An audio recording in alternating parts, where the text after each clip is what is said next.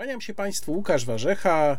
Minęły już prawie dwa tygodnie od naszego poprzedniego spotkania, ale mam nadzieję, że Państwo usprawiedliwią tę moją nieobecność. Wyjaśnię za chwilę skąd ona się wzięła, ale przede wszystkim chciałbym bardzo serdecznie podziękować wszystkim widzom mojego kanału, wszystkim subskrybentom, zwłaszcza nisko kłaniam się mecenasom, którzy być może dostaną za jakiś czas alternatywny sposób wspierania mnie. Jeżeli E, dojdę z tym do ładu, to oczywiście dam Państwu znać, bo ostatni wideoblog zebrał rekordową liczbę odtworzeń ponad 60 tysięcy. Bardzo Państwu dziękuję. Oczywiście chciałbym, żeby każdy odcinek tak dobrze się oglądał, ale wiem, że to też w dużej mierze zależy od algorytmów YouTube'a. Te algorytmy mogą Państwo wspomóc choćby poprzez yy, polubienie danego filmu i subskrypcję, bo to jakoś tam działa i jakieś przełożenie ma. Te subskrypcje też powoli zbliżają się do 20 tysięcy. Jest mi bardzo miło z tego powodu. I zacznę może trochę od końca, bo dział turystyczno-kulturalny będzie jak zwykle na końcu i będzie też niemały. Ale chciałbym wyjaśnić, dlaczego mnie nie było. Otóż nie było mnie dlatego, że ostatni weekend e, miałem wyjęty, ponieważ wyjechałem na Podkarpacie, które to Podkarpacie ostatnio szczególnie mnie fascynuje, a które znam wciąż bardzo mało, po prostu bardzo mało tam bywałem, a wyjechałem na Podkarpacie pod samą właściwie granicę słowacką, bo tam właśnie znana Państwu dobrze z mojego wideoblogu Fundacja Incanto urządziła takie spotkanie dla swoich przyjaciół w kameralnym gronie pod y, nazwą słuchowisko i ja na tym spotkaniu właśnie byłem.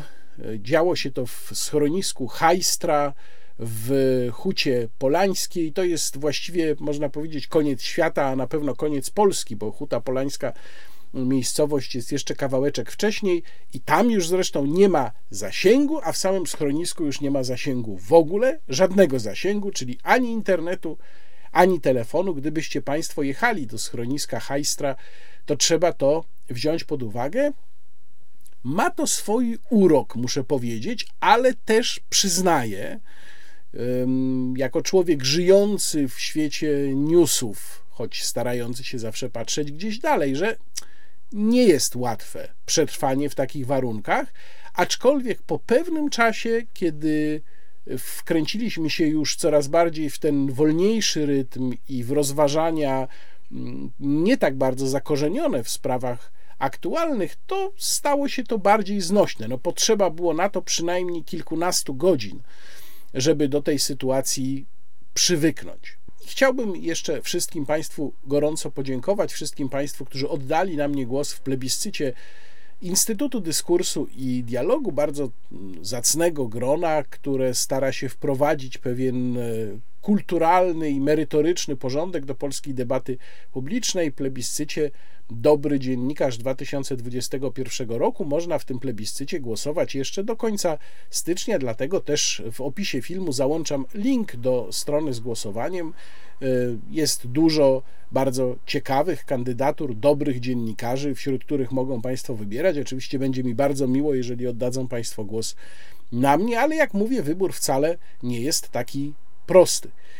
I skoro y, powiedziałem już o tym, że byłem na Podkarpaciu, to też zacznę trochę nietypowo od refleksji na temat ruchu drogowego. Otóż, y, jeżeli Państwo jeżdżą z Warszawy na Podkarpacie, przynajmniej w ten rejon, powiedziałbym, środkowego Podkarpacia, czyli trochę dalej od Rzeszowa, y, dalej w sensie na zachód, to wiedzą Państwo, że w momencie, kiedy zjeżdża się z ekspresówki S7, i rusza się bardziej od tej ekspresówki na wschód, na, na południowy wschód, to jeździ się, jedzie się drogami już nie ekspresowymi, nawet nie szerokimi, nawet nie zdarzają się tam drogi dwujezdniowe. Po prostu na Podkarpaciu tak jest, że są drogi w zasadzie wyłącznie wąskie, drogi w najlepszym razie krajowe, a w większości to są po prostu drogi wojewódzkie.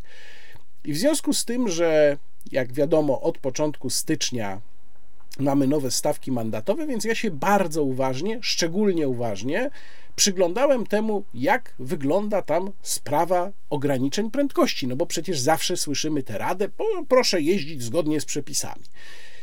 I upewniłem się po raz kolejny, mówię o upewnieniu się, a nie o, o, jakimś odkryciu, bo ja to po prostu jako osoba przejeżdżająca dobrych paręnaście tysięcy kilometrów rocznie poza obszarem zabudowanym wiem doskonale i wiedziałem od dawna, ale upewniłem się jeszcze dodatkowo, że w Polsce po prostu nie da się jeździć zgodnie z ograniczeniami ponieważ nie ma w nich żadnej logiki. One się pojawiają w kompletnie absurdalnych miejscach. Pamiętam na przykład taki odcinek zupełnie prostej drogi, właściwie świeżo zrobionej, więc bardzo dobrej, jeżeli chodzi o e, jakość. To było, kiedy już z Podkarpacia wyjeżdżałem, wyjeżdżałem w kierunku Buska Zdroju.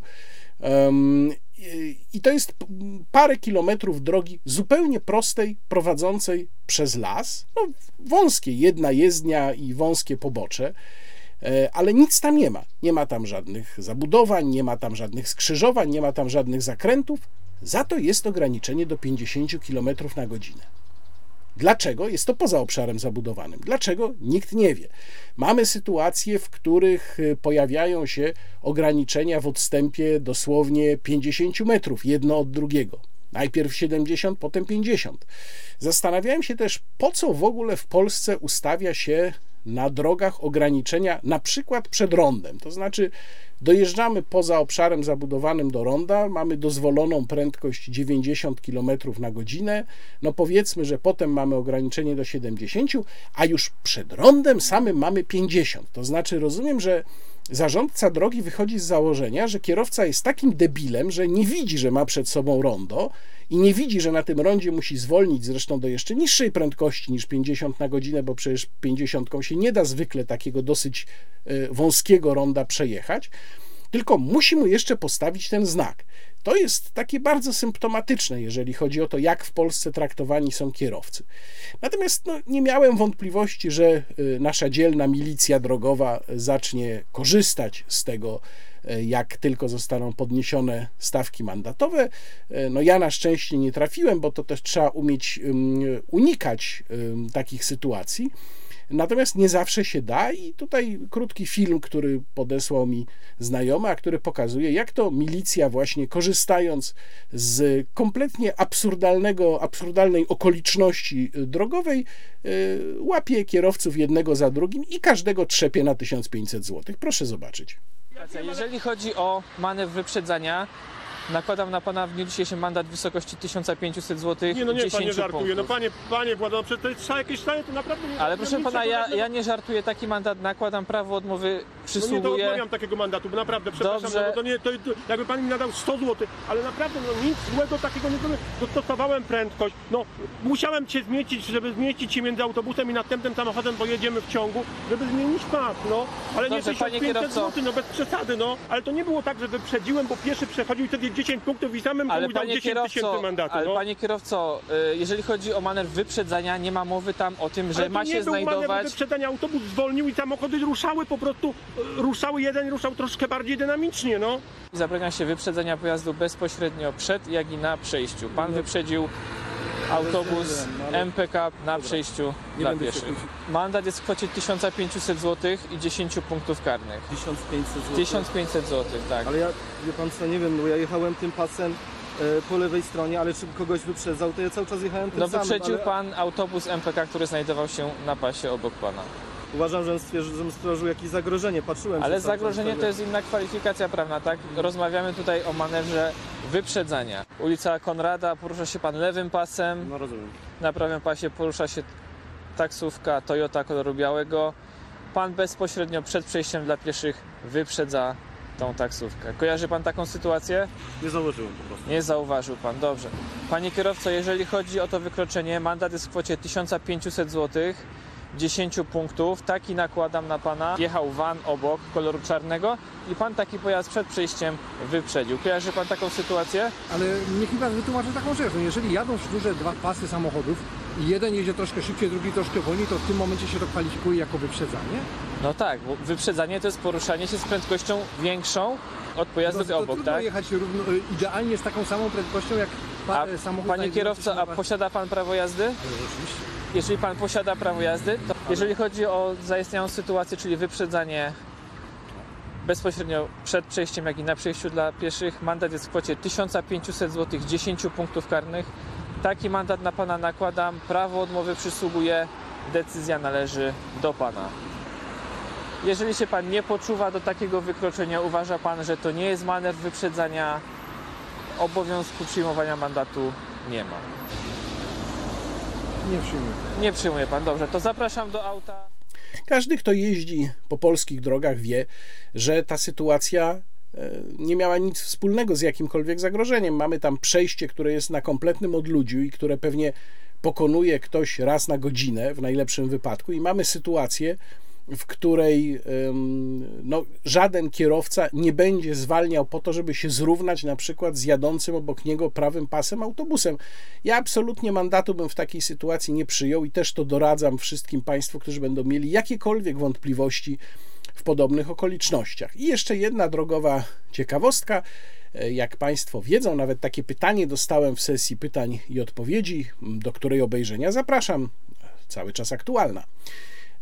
Czy zmieniłem zdanie w związku z nowymi danymi pokazującymi, że przepisy dotyczące e, pierwszeństwa pieszych, podkreślam, w momencie wkraczania na przejście dla pieszych, przyniosły skutek, czy zmieniłem zdanie na temat tych przepisów?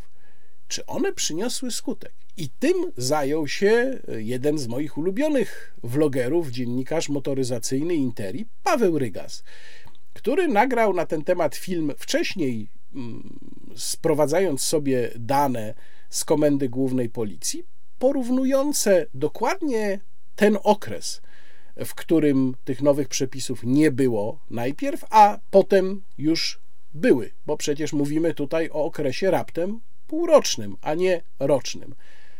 I co się okazało? Gdyby się posługiwać tak mm, ograniczonymi danymi z tego krótkiego terminu, to wyszłoby, że nie tylko te przepisy nie działają, ale mało tego, że jest gorzej. I co teraz? Paweł Rygas w swoim filmie, do którego link zamieszczam w opisie, on jest akurat bardzo krótki, ma niecałe 5 minut, mm, wskazuje słusznie, że jest po prostu za wcześnie, żeby jakiekolwiek wnioski wyciągać. No ale pamiętam przecież, jak pierwsze wnioski już były wyciągane, tam mój redakcyjny kolega Łukasz Zboralski triumfalnie twierdził, tak, przepisy zadziałały. No, właśnie chyba coś nie za bardzo, coś nie pykło, albo raczej pykło w tę stronę, w którą ja przewidywałem, że pyknie, zwłaszcza tutaj mm, symptomatyczny jest znaczący wzrost liczby kolizji w obszarze przejść dla pieszych. No, jak się wprowadza głupie przepisy, to takie potem są skutki. O Podkarpaciu będę mówił w części kulturalno-podróżniczej, o miejscach, które przy okazji pobytu tam odwiedziłem, a teraz zaczynamy od spraw związanych z rozprzestrzenianiem się wiadomego schorzenia, niektórzy mówią najmodniejszej choroby, bo tutaj rzeczywiście uzbierało się tyle rzeczy, że nawet miałem problem, żeby zdecydować, o czym mówić w pierwszej kolejności. Ale jednak stwierdziłem, że muszę zacząć od decyzji, która już zapadła, a która będzie miała znów znaczące konsekwencje, czyli od decyzji o wprowadzeniu po raz kolejny zdalnej nauki. No tym razem jest mowa o tym, że do końca ferii, czyli jeżeli dobrze rozumiem, chodzi w ogóle o ferie w jakimkolwiek województwie, no to będzie gdzieś do końca lutego. I tę decyzję ogłosił pan minister Czarnek w Sejmie i bardzo się przy tym uchachał. Proszę zobaczyć. Macie murowane, bo co? Pytaliśmy o zwyczaje panujące w, tutejszej, w tutejszych apartamentach. Są różne. Dobra, jesteśmy w maseczkach. Guzik, guzik z tego naszego wywiadu.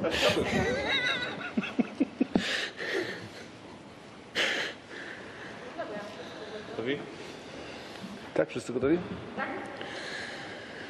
Proszę Państwa, wsłuchując się w apele i w głos e, e, służb sanitarnych, e, analizując dane z dnia wczorajszego i z, z dzisiaj, musieliśmy podjąć decyzję o ograniczeniu nauki stacjonarnej i wprowadzeniu nauki zdalnej na okres do końca ferii zimowych. Nie wiem, z czego tak się pan minister cieszył, to znaczy być może się cieszył z tego, że musi nosić maseczkę, a wcale nie ma ochoty. No mnie to też dosyć śmieszy ten fetysz maseczkowy. Ale trochę, prawdę mówiąc, y, zniesmaczył mnie ten śmiech pana ministra, chociaż cenię sobie poczucie, zdrowe poczucie humoru.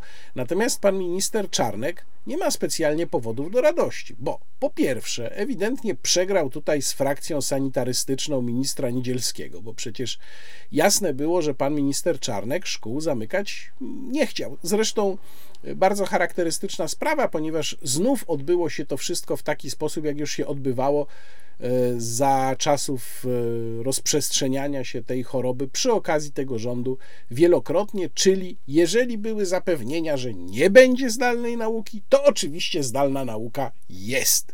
I to właściwie zawsze ze wszystkim tak wyglądało. Nie zamkniemy stoków narciarskich, zamknęli stoki narciarskie.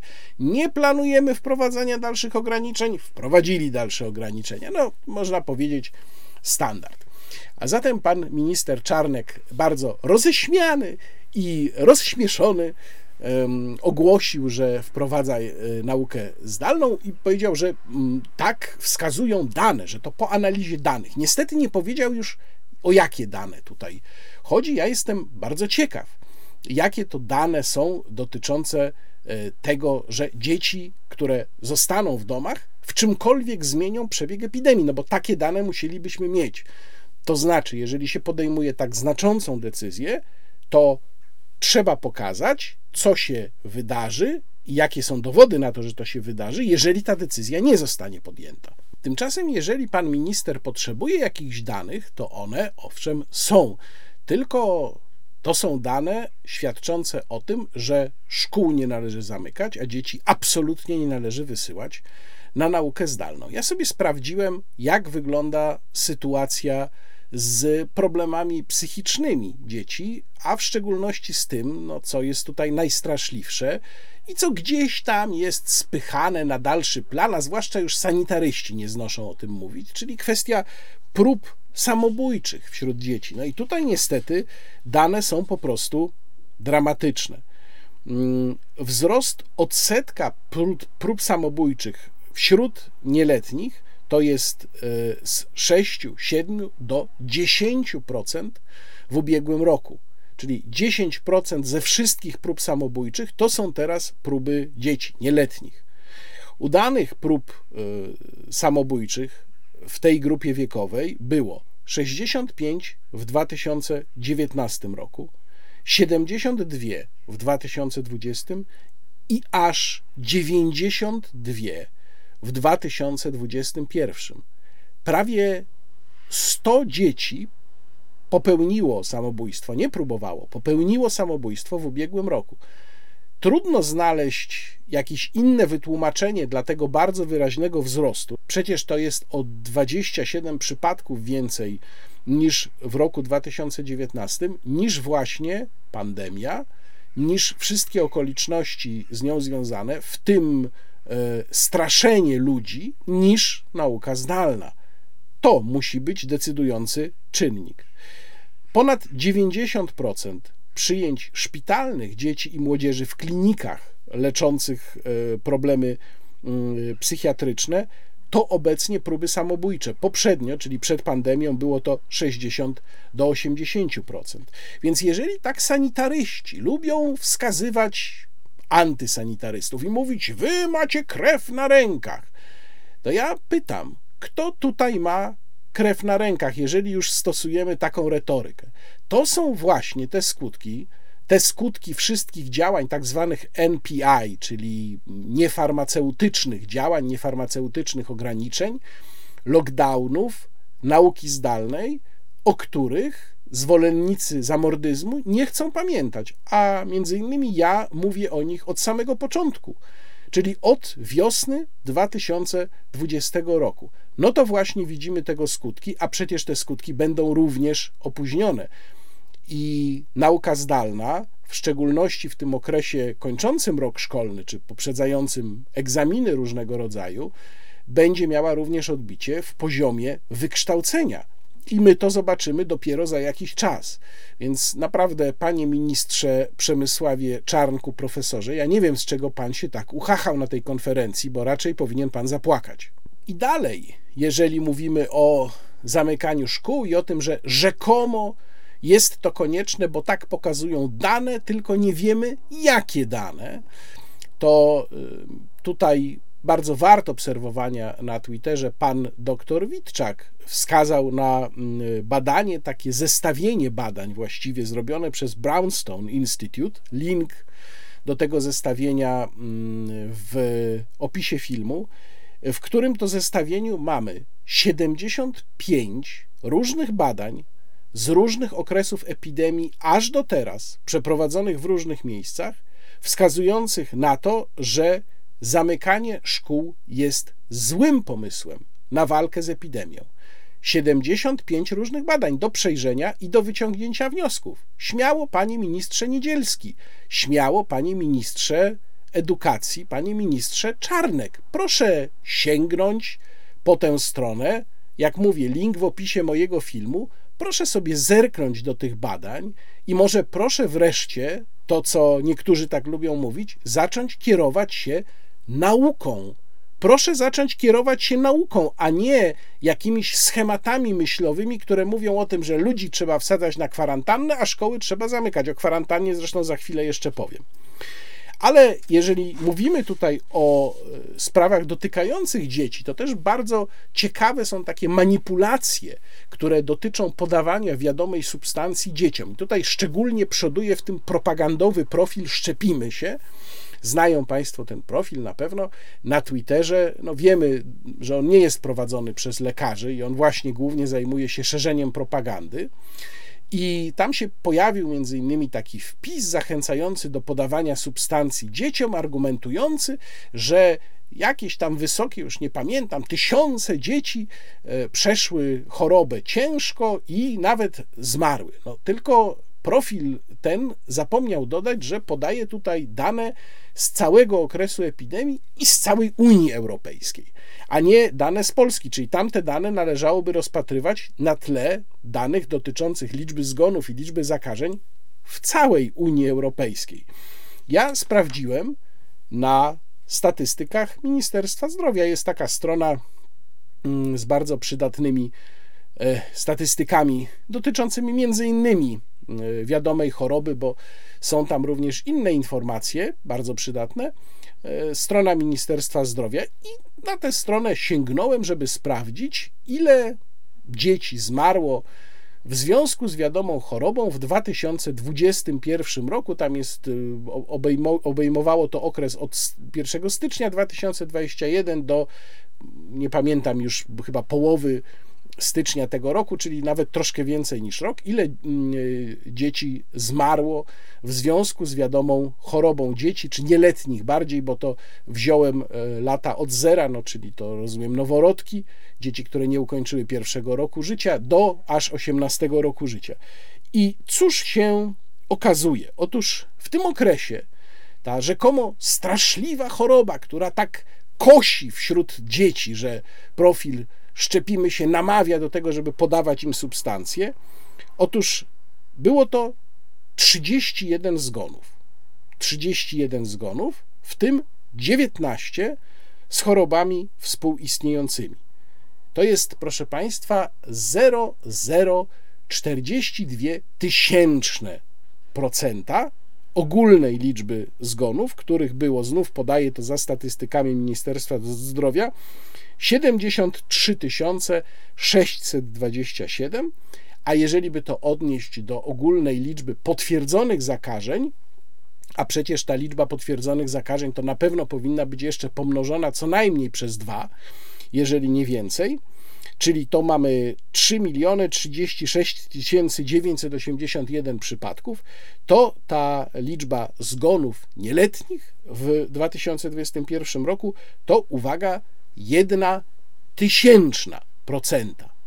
Czyli to pokazuje, jakie jest realne zagrożenie dla dziecka, a jakie jest, jakie ewentualne są, mogą być skutki związane z podaniem substancji, no to już muszą Państwo decydować sami. Ja, tak jak powiedziałem, szanuję decyzję każdego co do tego, żeby przyjmować substancje lub jej nie przyjmować, i rodzice też są odpowiedzialni za swoje dzieci.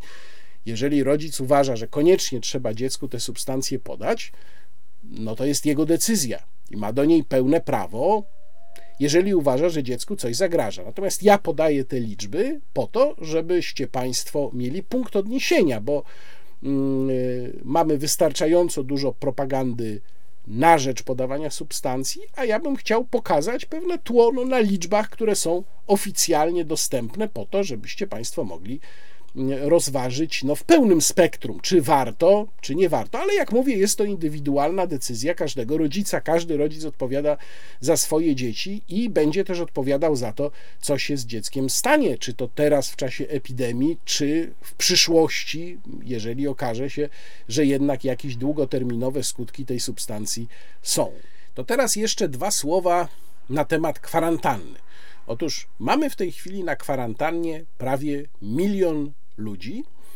E, kwarantanna została skrócona do 7 dni, co prawda, z 10, ale nie zmienia to postaci rzeczy, że to już się zaczyna robić problem dla gospodarki. I oczywiście kwarantanna w momencie, kiedy działa ten akurat wariant choroby, jest kompletnie bez sensu. Nie mamy żadnych danych, znów powtarzam, które by wskazywały, że kwarantanna cokolwiek powstrzymuje. Nie, nie ma takich danych, nie ma takich badań, nikt tego nie pokazał.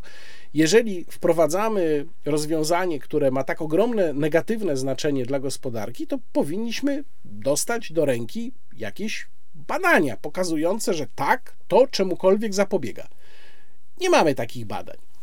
Jeżeli widzimy, że mamy do czynienia z wariantem, który jest bardzo zakaźny i o którym mówią lekarze, że prawdopodobnie przejdzie po prostu przez wszystkich, no to też można sobie zadać pytanie, jaki jest sens kwarantanny, która, przypomnę dodatkowo, może się zmienić w izolację, wtedy jeżeli dostaniemy pozytywny test, albo w ogóle może być to od początku izolacja, natomiast samo skierowanie na test to już oznacza skierowanie na kwarantannę, więc ma to takie działanie, że ludzie się nie badają, ponieważ nie chcą trafić na kwarantannę. Na przykład w przypadku y, przedsiębiorcy, zwłaszcza małego przedsiębiorcy, który sam prowadzi biznes, kwarantanna no to jest po prostu dramat, no to jest tydzień niezarabiania przy przecież y, stałych, pewnych stałych kosztach, które cały czas działają. Y, więc kwarantanna po prostu jest kolejnym takim fetyszem. No to jest taki fetysz jak maseczki. Który i zamknięcie szkół to trzeba wprowadzić, no bo to wszyscy mają, prawda? No to przecież my nie możemy nie wprowadzać. E, tutaj taka ciekawostka, bo e, na kwarantannę, jak Państwo wiedzą, trafiają również niezaszczepione dzieci. To jest zresztą jeden z największych absurdów. To znaczy, wystarczy jeden pozytywny test w klasie. Wszystkie dzieci, które były w klasie w tym samym czasie, trafiają na kwarantannę, o ile nie są zaszczepione. Dzieci zaszczepione na kwarantannę nie trafiają. No i teraz tak. Dziecko jest na kwarantannie, czyli potencjalnie jest zarażone, ale rodzice tego dziecka nie są na kwarantannie, czyli oni się z tym dzieckiem stykają, potencjalnie zarażonym, a jednocześnie normalnie funkcjonują. Wychodzą do pracy, mało tego, może być drugie dziecko w rodzinie, i to drugie dziecko chodzi do przedszkola, czy chodzi nawet do tej samej szkoły E, no ale nie do tej samej klasy, więc ono na kwarantannie nie jest, ale przecież wraca do domu i styka się z tym dzieckiem na kwarantannie. Jest w tym jakaś logika? Nie ma żadnej. Kolejna sprawa. Kto nadzoruje kwarantannę dziecka?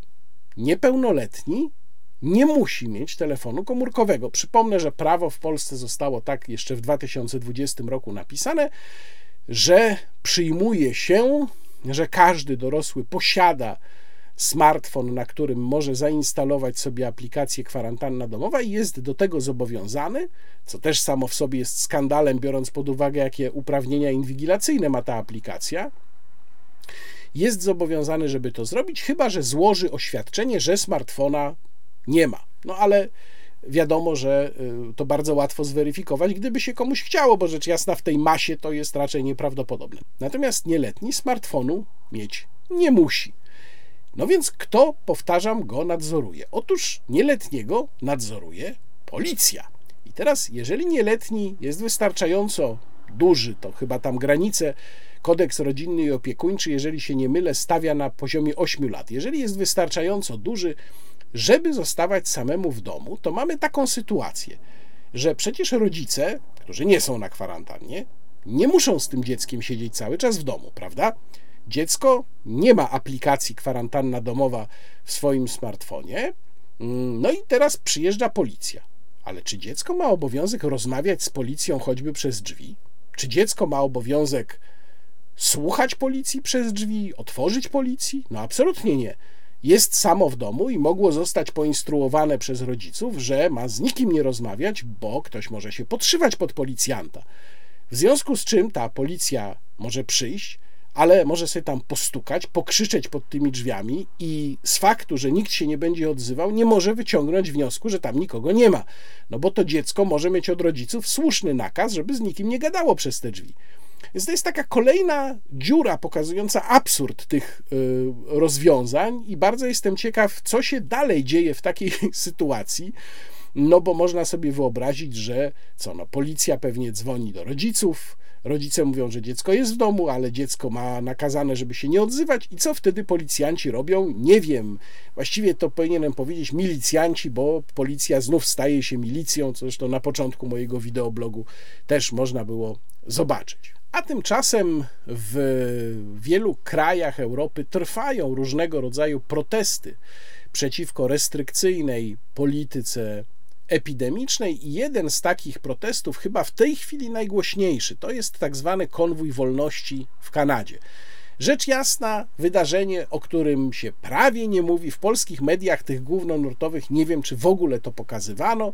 Mm, Wydarzenie, które głównonurtowe media kanadyjskie też próbują przemilczeć. No, Wystąpił pan e, premier mm, Trudeau, ten od kolorowych skarpetek i rysowania kredą na chodniku i powiedział, że to jest marginalna grupka, która nie reprezentuje poglądów większości Kanadyjczyków.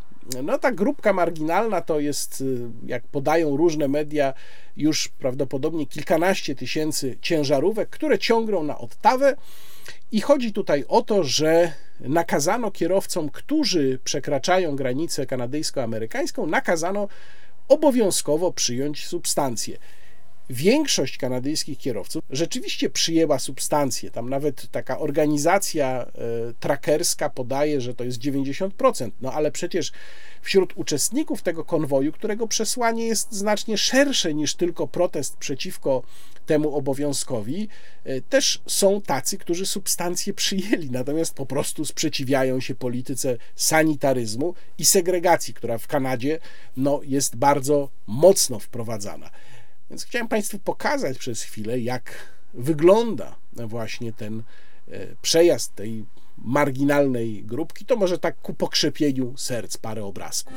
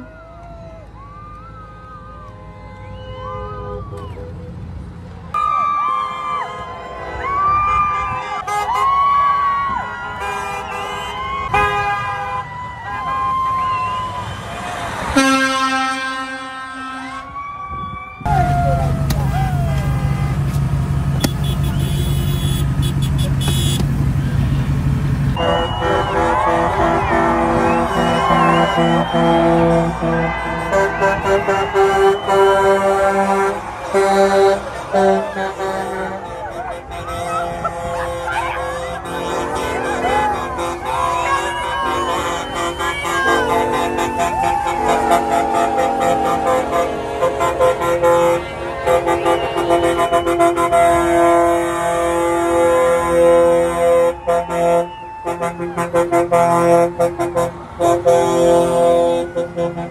you.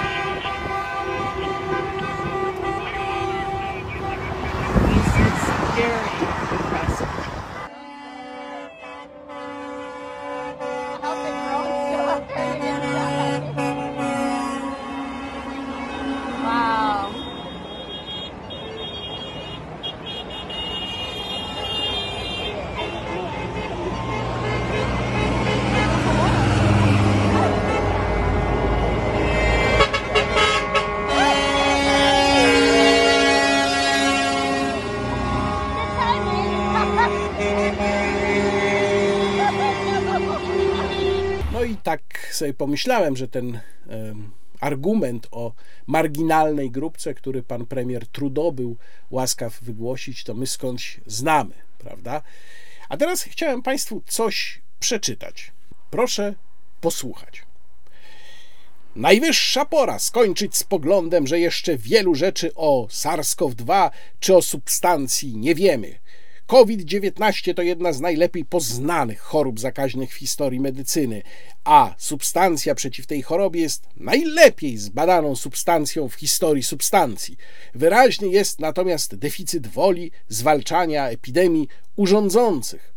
Pora odrzucić założenie, że pewna część społeczeństwa to osoby o zrozumiałych wątpliwościach co do restrykcji i szczepień. Nadszedł etap walki z groźnymi dla społeczeństwa działaniami dobrze zorganizowanej, choć mniej licznej niż się wydaje grupy antyszczepionkowców, którzy otumaniają dużą jego część.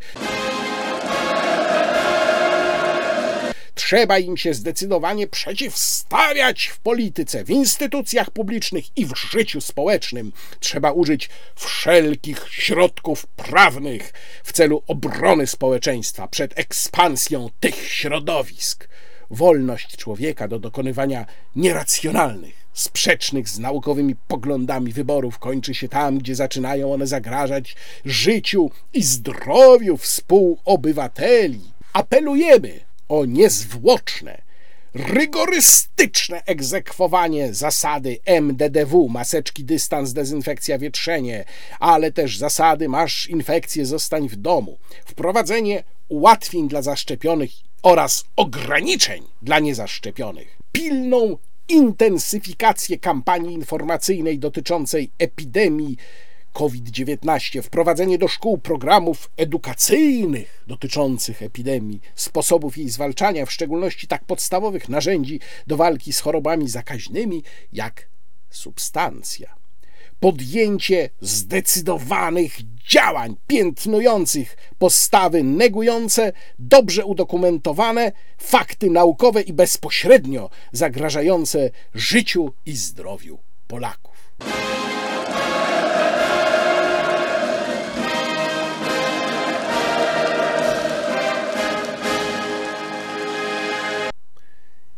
Jak Państwo sądzą, jaka organizacja wyprodukowała takie oświadczenie?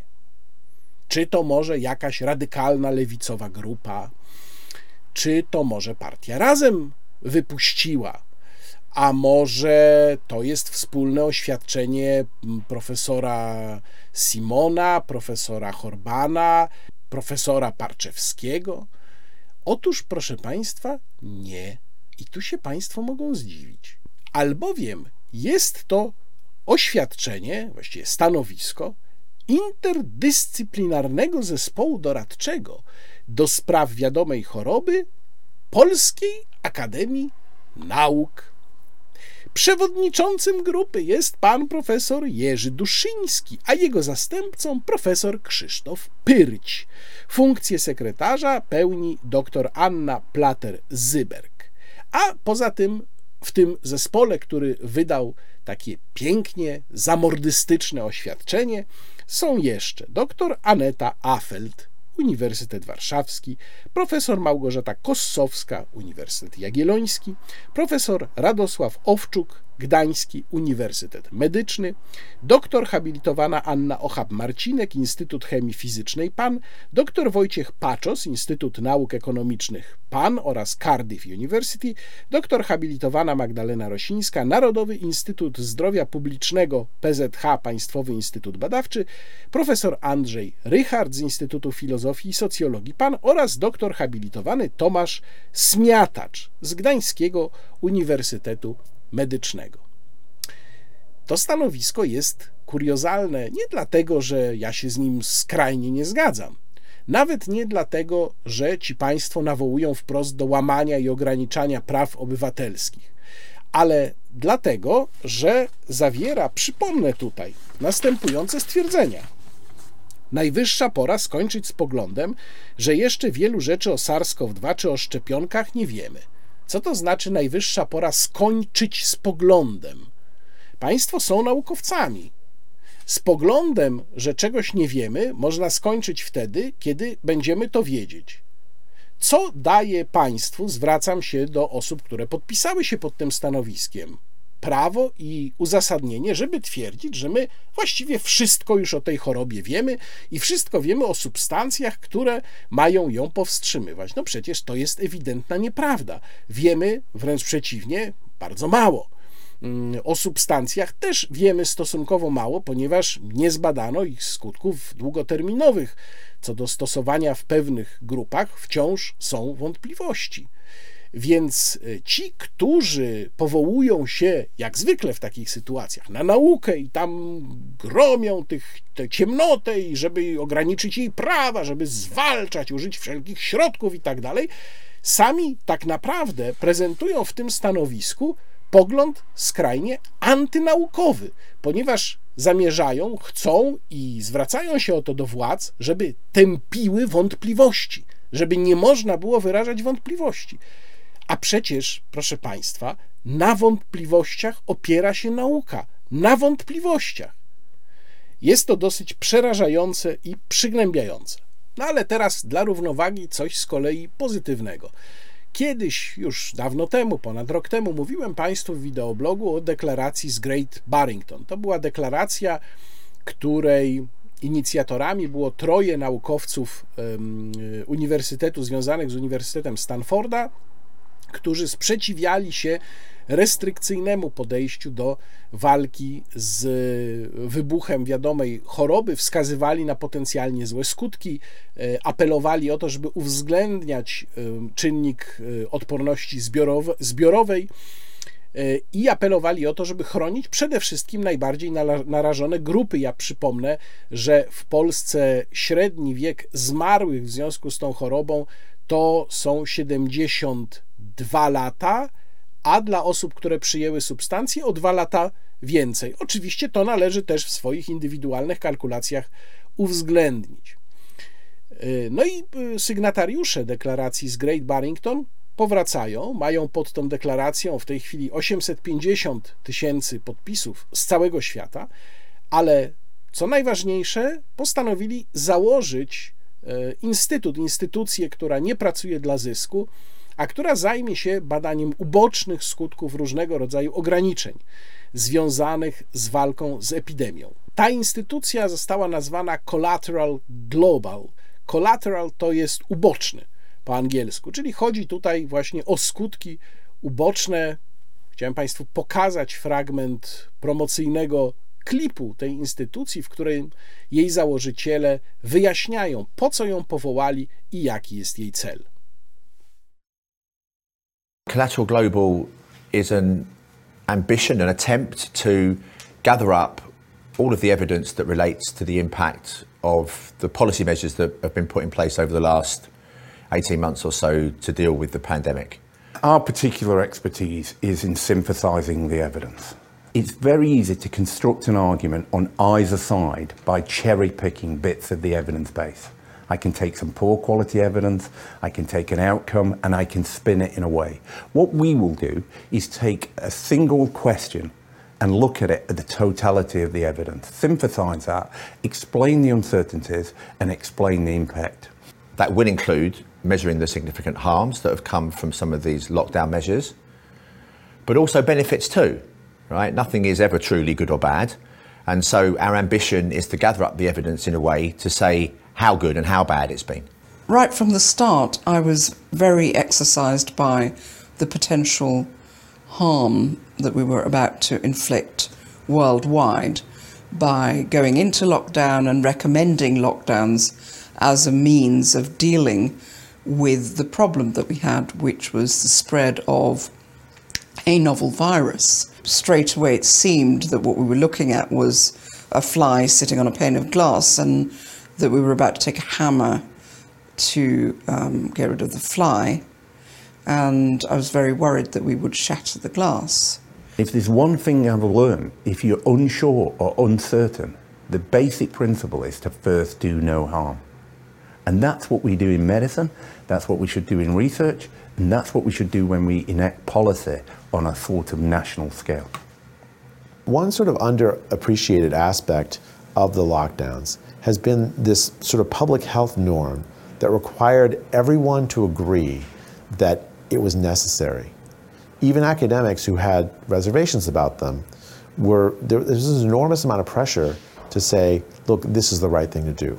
Because otherwise, you would undermine the ability of public health to have a unified message.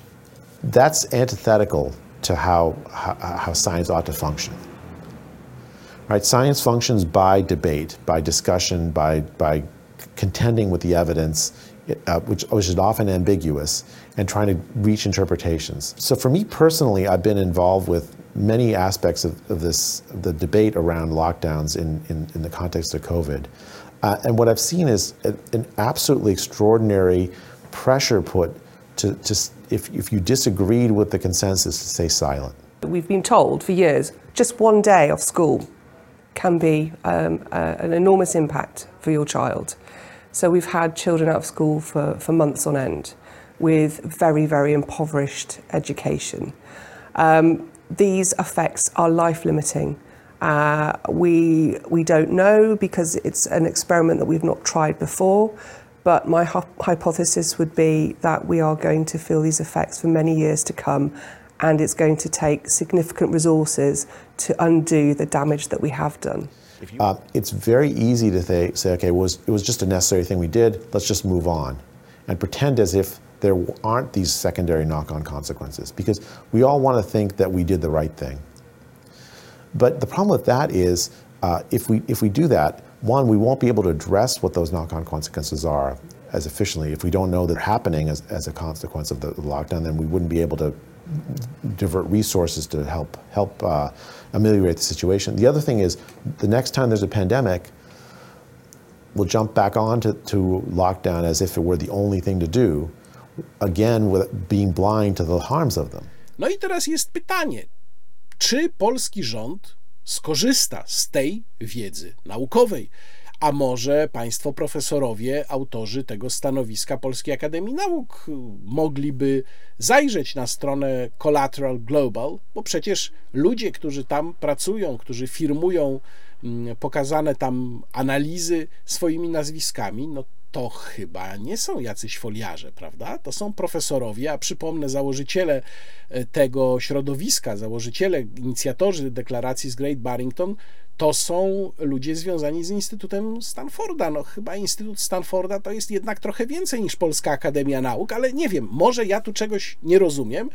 Może ja powinienem jeszcze raz uważnie przeczytać, proszę Państwa, taki tekst Piotra Lisiewicza, mojego ulubionego publicysty Gazety Polskiej, który sążnisty taki tekst wywalił w Gazecie Polskiej antyszczepionkowcy, czyli śmiertelna pułapka na dobrych ludzi, konfederacja jak Michnik. No nie będę Państwu czytał nawet dla beki fragmentów tego tekstu, bo on rzeczywiście jest strasznie długi. Nie wiem, czy tam Lisiewiczowi płacą od, od strony, czy to jest jakaś inna przyczyna tego.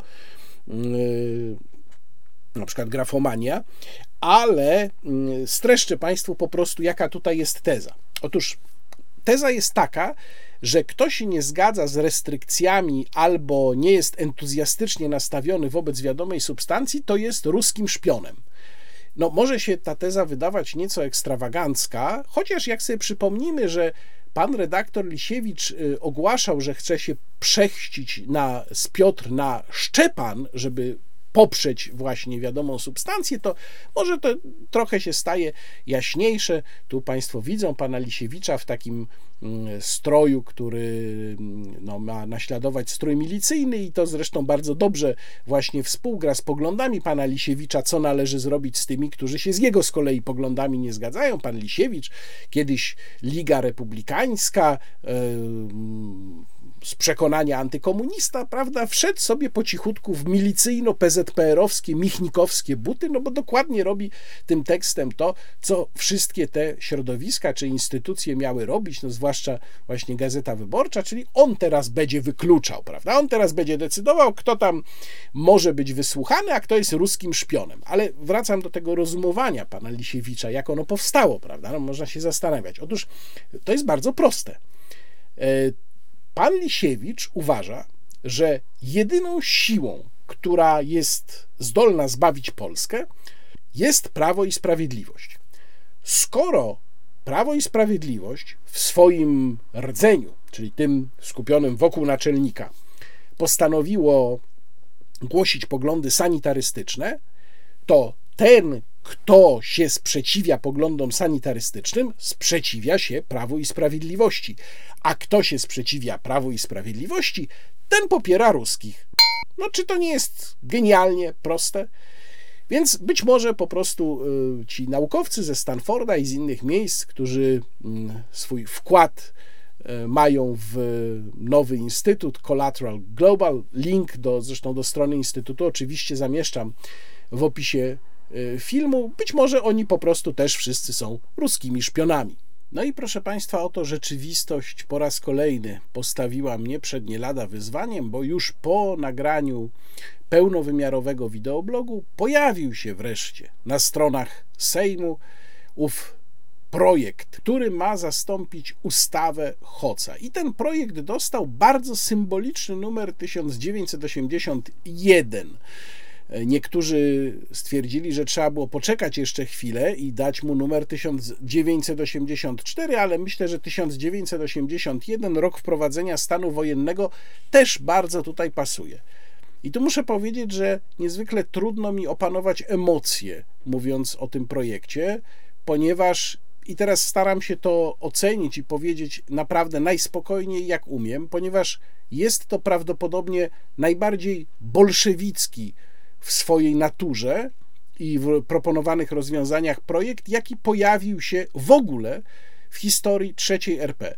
Różne były już pomysły prawodawcze różnych władz, różnych rozwiązań w różnych momentach, natomiast to, co w tej chwili proponuje Prawo i Sprawiedliwość, projekt, pod którym podpisał się między innymi jako jeden z popierających, jeden z wnioskodawców Jarosław Kaczyński, jest projektem najściślej y, bolszewickim w najpełniejszym znaczeniu tego słowa. Proponuje rozwiązania, które pogwałcają podstawowe zasady państwa prawa. Nie wyobrażam sobie, żeby ten projekt zdobył większość w Sejmie. Nie wyobrażam sobie, żeby pan prezydent był gotów podpisać takiego skrajnego gniota. Natomiast sam fakt, że Prawo i Sprawiedliwość w ogóle proponuje coś takiego, bo trudno to nazwać nawet projektem ustawy, niestety świadczy jak najgorzej o tym ugrupowaniu i mam nadzieję, że e, przynajmniej część wyborców PiS wyciągnie z tego wnioski. Przejdźmy teraz do szczegółów tego bolszewickiego projektu.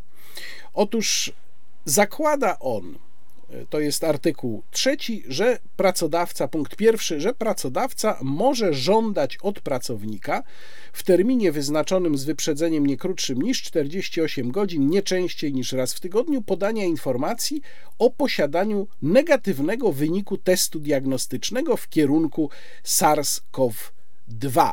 Tutaj warto zaznaczyć, bo to jest też element, który budził wątpliwości w ustawie Hoca. Jak to jest z finansowaniem przez państwo tych testów? No bo skoro pracodawca może żądać od pracownika takiego testu, no to mm, pracownik jakby miał wydawać raz w tygodniu pieniądze na taki test, czyli to jest kilkaset złotych przecież, no to mógłby w końcu zbankrutować.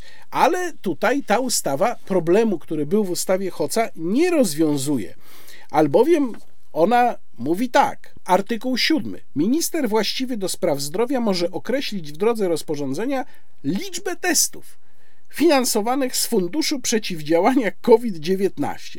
Czyli minister zdrowia sobie określi tę liczbę testów, no i co? I ta liczba testów zostanie osiągnięta, one zostaną wykorzystane i co dalej? I co wtedy? I wtedy co? Pracownik ma te testy na żądanie swojego pracodawcy wykonywać za własne pieniądze? Czy może pracodawca ma je finansować? No, na to odpowiedzi w ustawie napisanej zresztą skrajnie niechlujnie nie znajdziemy. Yy, idąc dalej, co się dzieje, bo to jest y, cały ten proces właśnie jest w swojej istocie bolszewicki. Otóż mamy to żądanie wykonania testu y, i dalej czytamy że pracownik, który nie podał tej informacji o teście, jest traktowany jako pracownik, który testu nie wykonał. I w artykule czwartym czytamy: Pracownik, u którego zostało potwierdzone zakażenie SARS-CoV-2 i który ma uzasadnione podejrzenie, że do zakażenia doszło w zakładzie pracy lub innym miejscu wyznaczonym do, wyka- do wykonywania pracy, uzasadnione podejrzenie, nie dowód, podejrzenie. Może złożyć pracodawcy mm, w terminie dwóch miesięcy od dnia zakończenia izolacji, izolacji, hospitalizacji itd. wniosek o wszczęcie postępowania w przedmiocie świadczenia odszkodowawczego z tytułu zakażenia wirusem SARS-CoV-2 przysługującego od pracownika, który nie poddał się testowi diagnostycznemu w kierunku SARS-CoV-2. Czyli już tutaj mamy no, genialną receptę na to, żeby wprowadzić jak najgorsze relacje w zakładach pracy pomiędzy pracownikami. No bo jeden będzie mógł zarobić na drugim, jeżeli się zakazi, prawda? I jeżeli w zakładzie będzie ktoś, kto nie podał um, rezultatu swojego testu choćby raz, i jeżeli ten zakażony będzie miał uzasadnione podejrzenie, że się zakaził od tamtego, no podejrzenie zawsze może mieć, to będzie mógł próbować wyciągnąć kasę od tego nieprzetestowanego. Ale teraz dalej, jak ta procedura wygląda? Tutaj mamy próbkę teraz świetnej polszczyzny i języka legislacyjnego tego projektu. We wniosku, o którym mowa w ustępie pierwszym, pracownik wskazuje okoliczności uzasadniające, że zakażenie nastąpiło w zakładzie pracy lub innym miejscu wyznaczonym do wykonywania pracy i wskazuje osoby, z którymi miał kontakt w tym zakładzie pracy lub miejscu w okresie poprzedzającym e, zakażenie nie dłuższym niż 7 dni. Proszę zwrócić uwagę na konstrukcję tego zdania. We wniosku pracownik wskazuje okoliczności uzasadniające, że zakażenie nastąpiło. Po jakiemu to jest? Uzasadniające, że zakażenie nastąpiło? Uzasadniające co? Podejrzenie, jak rozumiem, tak? Ale słowo podejrzenie gdzieś świetnym legislatorom spis wypadło. I teraz co robi dalej pracodawca? Otóż pracodawca e, w terminie 7 dni od dnia otrzymania wniosku y, weryfikuje, czy wśród pracowników, z którymi miał kontakt pracownik zarażony wirusem SARS-CoV-2, znajdują się osoby, które nie poddały się testowi, czyli na pracodawcę się nakłada kolejne obowiązki. On ma prowadzić śledztwo we własnej firmie w okresie poprzedzającym zakażenie i jeżeli pracodawca to potwierdzi, to teraz uwaga. Pracodawca nie później niż w terminie trzech dni przekazuje wniosek pracownika zakażonego wirusem do kogo, jak Państwo myślą? Do wojewody.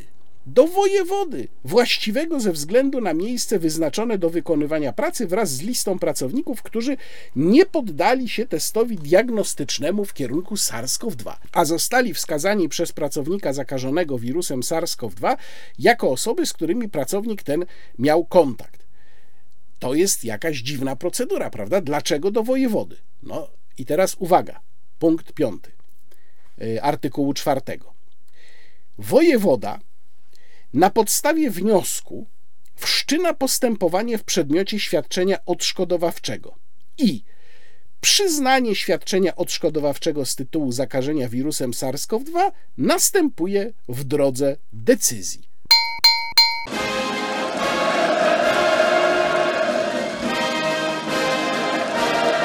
Żebyście Państwo dobrze zrozumieli, co tu bolszewicy z PiS wymyślili. Otóż oni sobie wymyślili, że nie ma żadnego procesu dowodowego, nie trzeba dowieść, że ktoś kogoś zakaził. Wystarczy uzasadnione podejrzenie i wniosek, a decyzję podejmuje wojewoda w trybie administracyjnym. To jest mniej więcej tak, jakby ktoś się Państwu włamał do samochodu i ukradł z tego samochodu teczkę z laptopem. Przyjeżdża policja i pyta, czy pan ma jakieś podejrzenie, kto panu zwinął tę teczkę. A my, tak, mam uzasadnione podejrzenie, że to sąsiad spod siódemki, bo um, on tam się ze mną kiedyś pokłócił, bo mu kopnąłem psa. I bardzo wtedy brzydko do mnie mówił, i to na pewno on.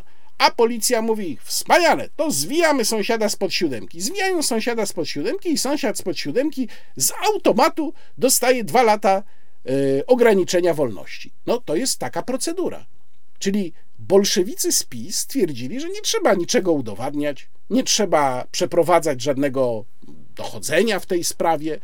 Po prostu wystarczy uzasadnione podejrzenie jednego pracownika względem drugiego i to, że tamten nie miał testu, i to już wystarczy wojewodzie, żeby nałożył karę na tamtego i przyznał to odszkodowanie. No, to odszkodowanie jest również karą. Bo y, teraz uwaga, wysokość świadczenia odszkodowawczego z tytułu zakażenia wirusem SARS-CoV-2 wynosi równowartość pięciokrotności minimalnego wynagrodzenia za pracę. Czyli pięciokrotność minimalnego wynagrodzenia, no to tam będzie chyba około mm, ponad 10 tysięcy, można zapłacić tylko dlatego, że ktoś kogoś podejrzewa. Jeżeli wiemy przecież, że ludzie, którzy nie wykonali testu, nie muszą wcale być zakażeni, ludzie, którzy są zaszczepieni z kolei, mogą być zakażeni. I przede wszystkim, jak można tworzyć procedurę administracyjną w takiej sprawie, gdzie podstawową kwestią jest dowiedzenie komuś winy. To jest kompletne odejście od jakichkolwiek norm państwa prawa. I teraz, jeżeli chodzi o odwołanie, bo tak, oczywiście jest możliwość odwołania, tylko że to jest możliwość odwołania do sądu administracyjnego. Jak Państwo świetnie wiedzą, sąd administracyjny nie bada okoliczności faktycznych, czyli nie będzie można tam dowodzić na przykład, że nie pokazało się testu, ale nie było się zakażonym, ma się na to jakieś dowody. Bo sąd administracyjny zajmie się wyłącznie procedurą. Czyli możliwości obrony takiego pracownika, który nie pokazał tego testu, nie pokazał rezultatu tego testu, są praktycznie żadne. E, I dalej, mm, to jest bardzo ładny punkt, taki też bardzo bolszewicki, artykuł 10. W okresie obowiązywania stanu zagrożenia epidemicznego lub stanu epidemii podstawowe służby zobowiązane do zwalczania wirusa SARS-CoV-2 są obowiązane do wzmożenia czynności mających na celu ochronę porządku publicznego i zdrowia publicznego związanych z przeciwdziałaniem SARS-CoV-2, w tym przeprowadzania regularnych i rutynowych kontroli w zakresie przestrzegania w miejscach ogólnodostępnych zakazów, nakazów, ograniczeń lub obowiązków określonych w przepisach o zapobieganiu oraz zwalczaniu zakażeń i chorób zakaźnych u ludzi wydanych w związku z epidemią SARS-CoV-2.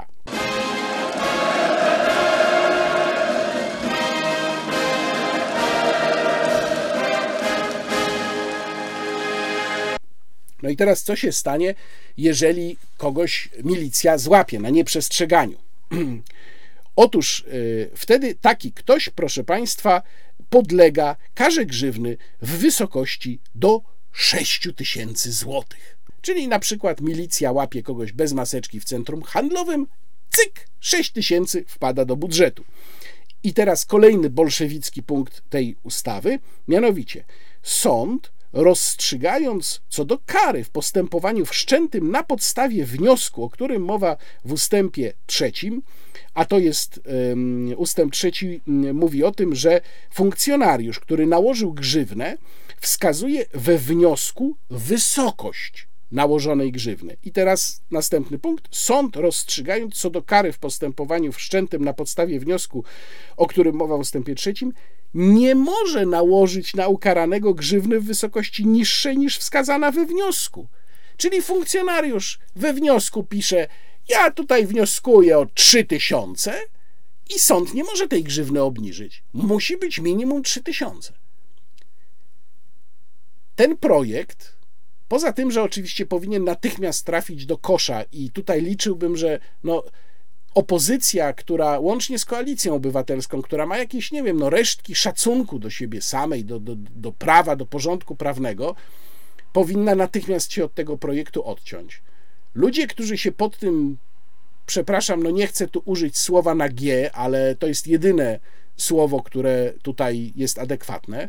Ludzie się, którzy pod tym G się podpisali, moim zdaniem powinni po prostu łącznie z Jarosławem Kaczyńskim wylecieć z życia publicznego. Jarosław Kaczyński też się pod tym podpisał. To jest po prostu projekt bolszewicki i z mojego punktu widzenia ci ludzie powinni być objęci infamią. Niezależnie od tego, jaki jest nasz stosunek do epidemii, do tego, jakie powinno się podjąć działania, żeby jej zapobiegać, niezależnie od tego, czy się opowiadamy po stronie antysanitarystycznej czy sanitarystycznej, używam tutaj tych określeń wyłącznie w charakterze czysto opisowym. Poparcie dla tego typu rozwiązań, które w ogóle zrywają, jak powiedziałem, z podstawowymi zasadami państwa prawa, jest dla ludzi, którzy się pod tym podpisali, po prostu hańbiące. I mam nadzieję, że wyborcy Prawa i Sprawiedliwości właściwie to ocenią. Jeszcze dwa słowa na temat tego, jak to wygląda z czysto politycznego punktu widzenia. Ten projekt jest tak dramatyczny i pod względem prawnym, i pod względem językowym, pod względem uzasadnienia, które właściwie niczego nie wnosi, tylko opisuje y, to, co jest w, zawarte w przepisach tej ustawy, jest tak dramatyczny, że ja nie wierzę, prawdę mówiąc, żeby on miał jakiekolwiek szanse. Mm, być może to jest jakaś kolejna próba pokazania, że coś robimy, ale jednak Patrząc na to, co wyczynia Jarosław Kaczyński w kwestii epidemii, jestem coraz bardziej przekonany, że to niestety są szczere próby przeprowadzenia tego typu rozwiązań. Y, liczę tutaj, jeżeli by jakimś cudem ten projekt jednak przeszedł przez Sejm, powtarzam, mam nadzieję, że no wszyscy przyzwoici ludzie się od tego szajsu odetną. Natomiast jeżeli by ten projekt przeszedł przez Sejm, no to liczę tutaj i mówię to bardzo szczerze, liczę tutaj na pana prezydenta, który przecież czegoś takiego podpisać po prostu nie może.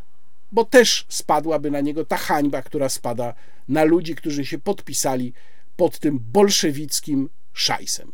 No i trzeba by tutaj jeszcze wskazać, już zupełnie na koniec, że procedowanie jakichkolwiek tego typu regulacji w tym momencie, czyli pod koniec stycznia, w sytuacji, kiedy najprawdopodobniej w ciągu dwóch, trzech tygodni będziemy mieli już szczyt tej fali, e, a może nawet szybciej, i potem już będzie spadek, i kiedy bardzo wielu specjalistów mówi, że to już jest koniec tego cyrku, kiedy kolejne kraje zaczynają znosić restrykcje wcześniej wprowadzone, no Dania chyba tutaj poszła teraz najdalej, bo stwierdzono, że mimo wysokiej liczby zakażeń, będzie traktowała COVID jak normalną chorobę zakaźną, to w tym momencie wjeżdżanie z takimi projektami no jest już kompletnym absurdem, ponieważ zanim one przejdą drogę legislacyjną, to już będzie dawno po wszystkim. Miejmy nadzieję, że w ogóle na stałe będzie po wszystkim. No i jeszcze dodałbym, że mam nadzieję, że kiedyś autorzy tego cyrku zostaną rozliczeni, przynajmniej w Polsce, że powstanie komisja śledcza na ten temat, no ale to pewnie już jest marzenie ściętej głowy. No długo się nagadałem o tamtych sprawach, więc pora przejść do innych. Krótko tylko zaznaczę kwestie związane z Polskim Ładem i odsyłam od razu do tekstu w najbliższym wydaniu, w poniedziałek, wydaniu do rzeczy mojego tekstu na temat magicznej granicy 12,8 tysiąca złotych, 12,800 brutto to jest to wynagrodzenie, które wyznaczać ma górną granicę klasy średniej, no bo ono wyznacza też górną granicę ulgi dla klasy średniej, która ma podobno, według słów pana premiera, objąć wszystkich. Co to znaczy wszystkich? Nie wiem. E, na razie wiemy, że obejmuje też zleceniodawców, czy ma objąć zleceniodawców, ma objąć emerytów, ale w którym momencie to się stanie i zostanie wprowadzone do ustawy, nie wiadomo. Chaos wokół Polskiego Ładu jest po prostu absolutnie gigantyczny i oczywiście dokłada się do y, trudności, które mają dzisiaj przedsiębiorcy. A właśnie o tych trudnościach chciałem jeszcze przez chwilę tylko Państwu powiedzieć, naprawdę krótko, ale trzeba to odnotować. Otóż, y, kiedy procedowana była w Senacie ustawa, uchwalona przez Sejm, ustawa o szczególnych rozwiązaniach służących ochronie odbiorców paliw gazowych w związku z sytuacją na rynku gazu, to, jest, to była ustawa, która, y, której celem było objęcie dodatkową ochroną taryfową, bo przypomnę, że taryfy są dla odbiorców, czy były dla odbiorców indywidualnych, innych również odbiorców, i Senat zaproponował, tutaj Państwo widzą tę poprawkę, żeby objąć tą ochroną taryfową również mikroprzedsiębiorców, małych i średnich przedsiębiorców, zgodnie z definicjami ustawowymi takich firm.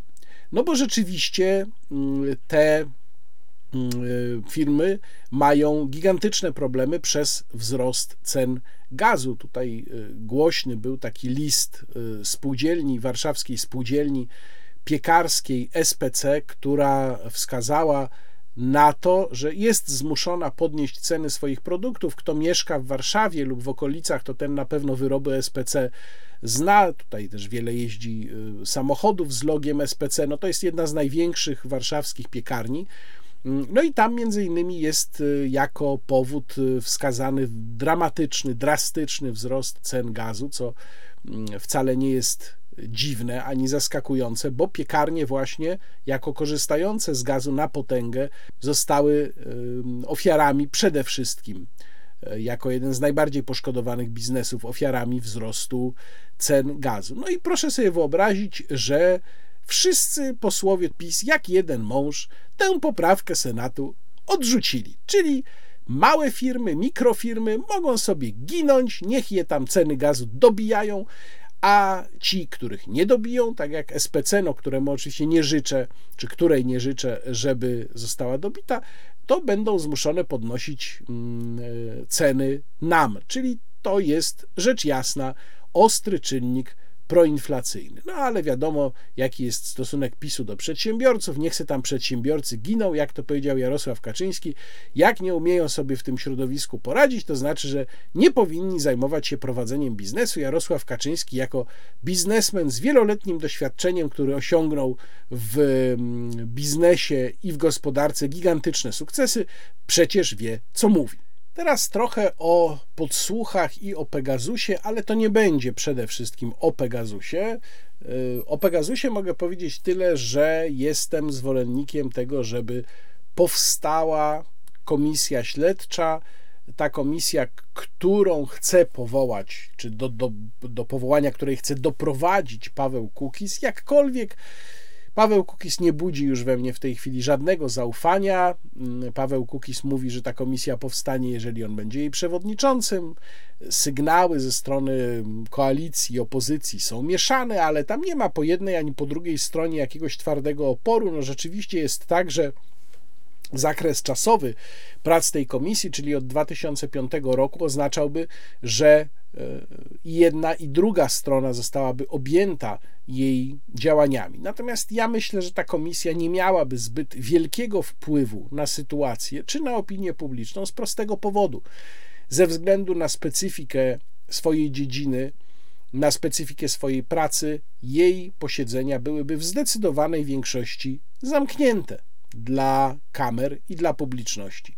No i w tej sytuacji jej członkowie mogliby tylko pośrednio i w bardzo ogólnych słowach przekazywać, co tam się działo. Pewnie mielibyśmy różne przecieki, czyli grę przeciekami, ale gra przeciekami to nie jest sposób na usprawnienie jakichkolwiek mechanizmów państwa. Jest tutaj co usprawniać, co za chwilę zresztą mm, Państwu pokażę na konkretnym przykładzie.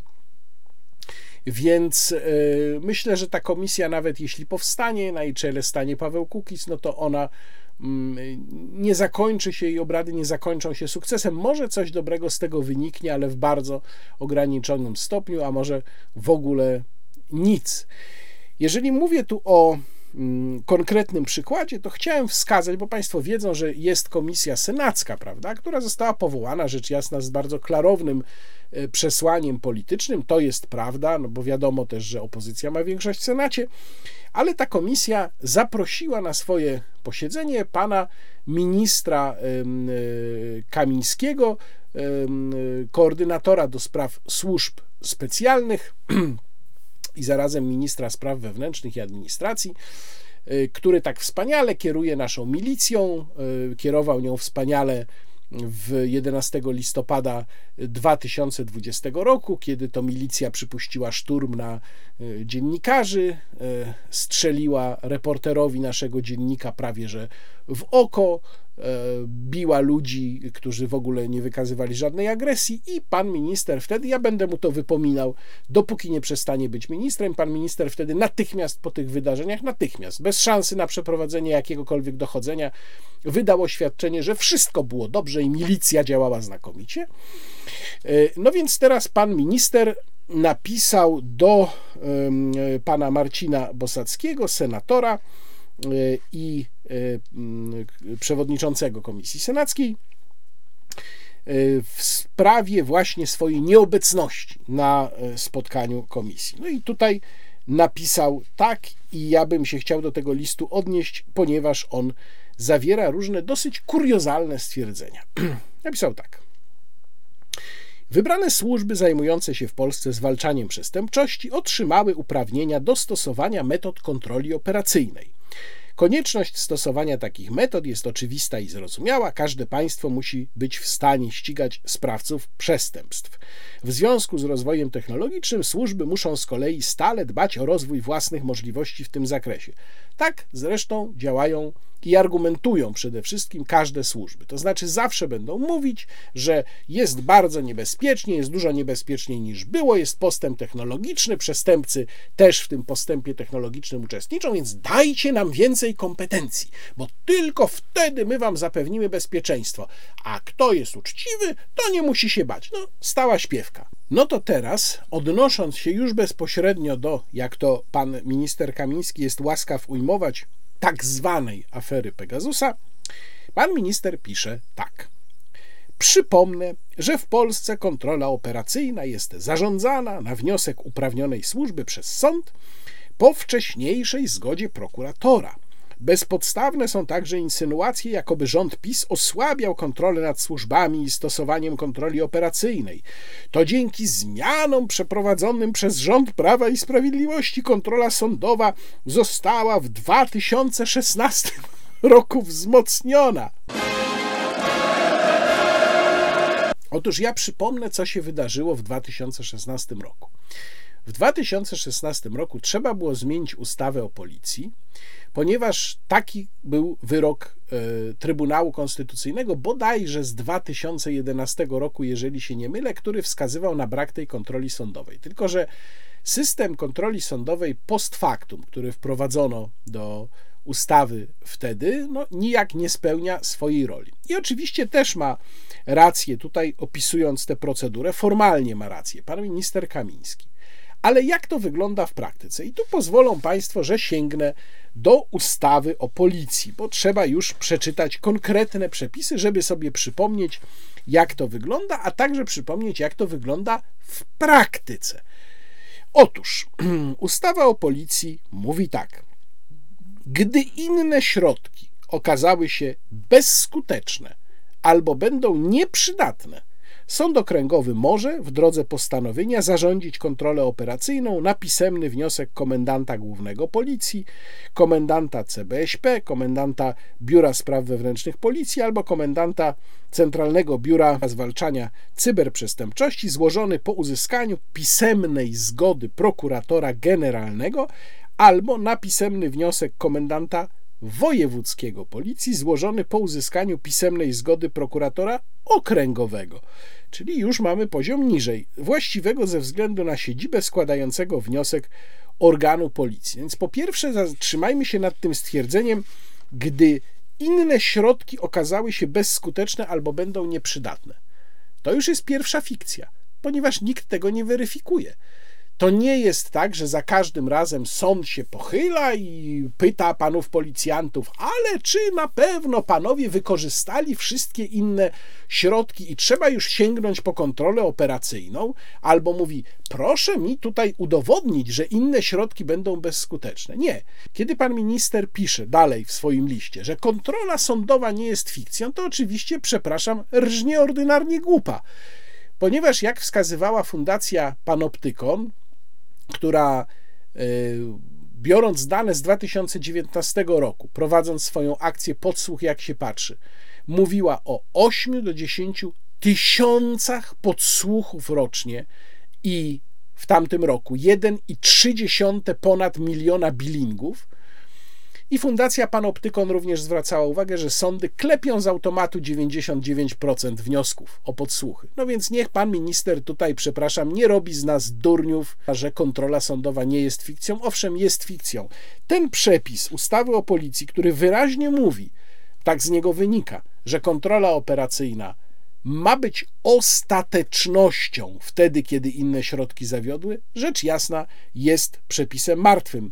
Ja bym sobie bardzo życzył, żeby sądy, na które spada to zadanie, wreszcie zaczęły faktycznie te wnioski inwigilacyjne traktować tak, jak powinny, czyli wnikliwie. I żeby e, panowie policjanci czy funkcjonariusze innych formacji musieli się nieźle napocić, żeby udowodnić przed sądem, że naprawdę muszą prowadzić kontrolę operacyjną. Dalej, jeżeli chodzi o okres kontroli operacyjnej, czytamy. Kontrolę operacyjną zarządza się na okres nie dłuższy niż 3 miesiące. Sąd okręgowy może na pisemny wniosek komendanta głównego policji i tak Y, y, na okres nie dłuższy niż kolejne 3 miesiące wydać postanowienie o jednorazowym przedłużeniu kontroli operacyjnej, jeżeli nie ustały przyczyny tej kontroli. Czyli już mamy w tym momencie 6 miesięcy kontroli operacyjnej i dalej.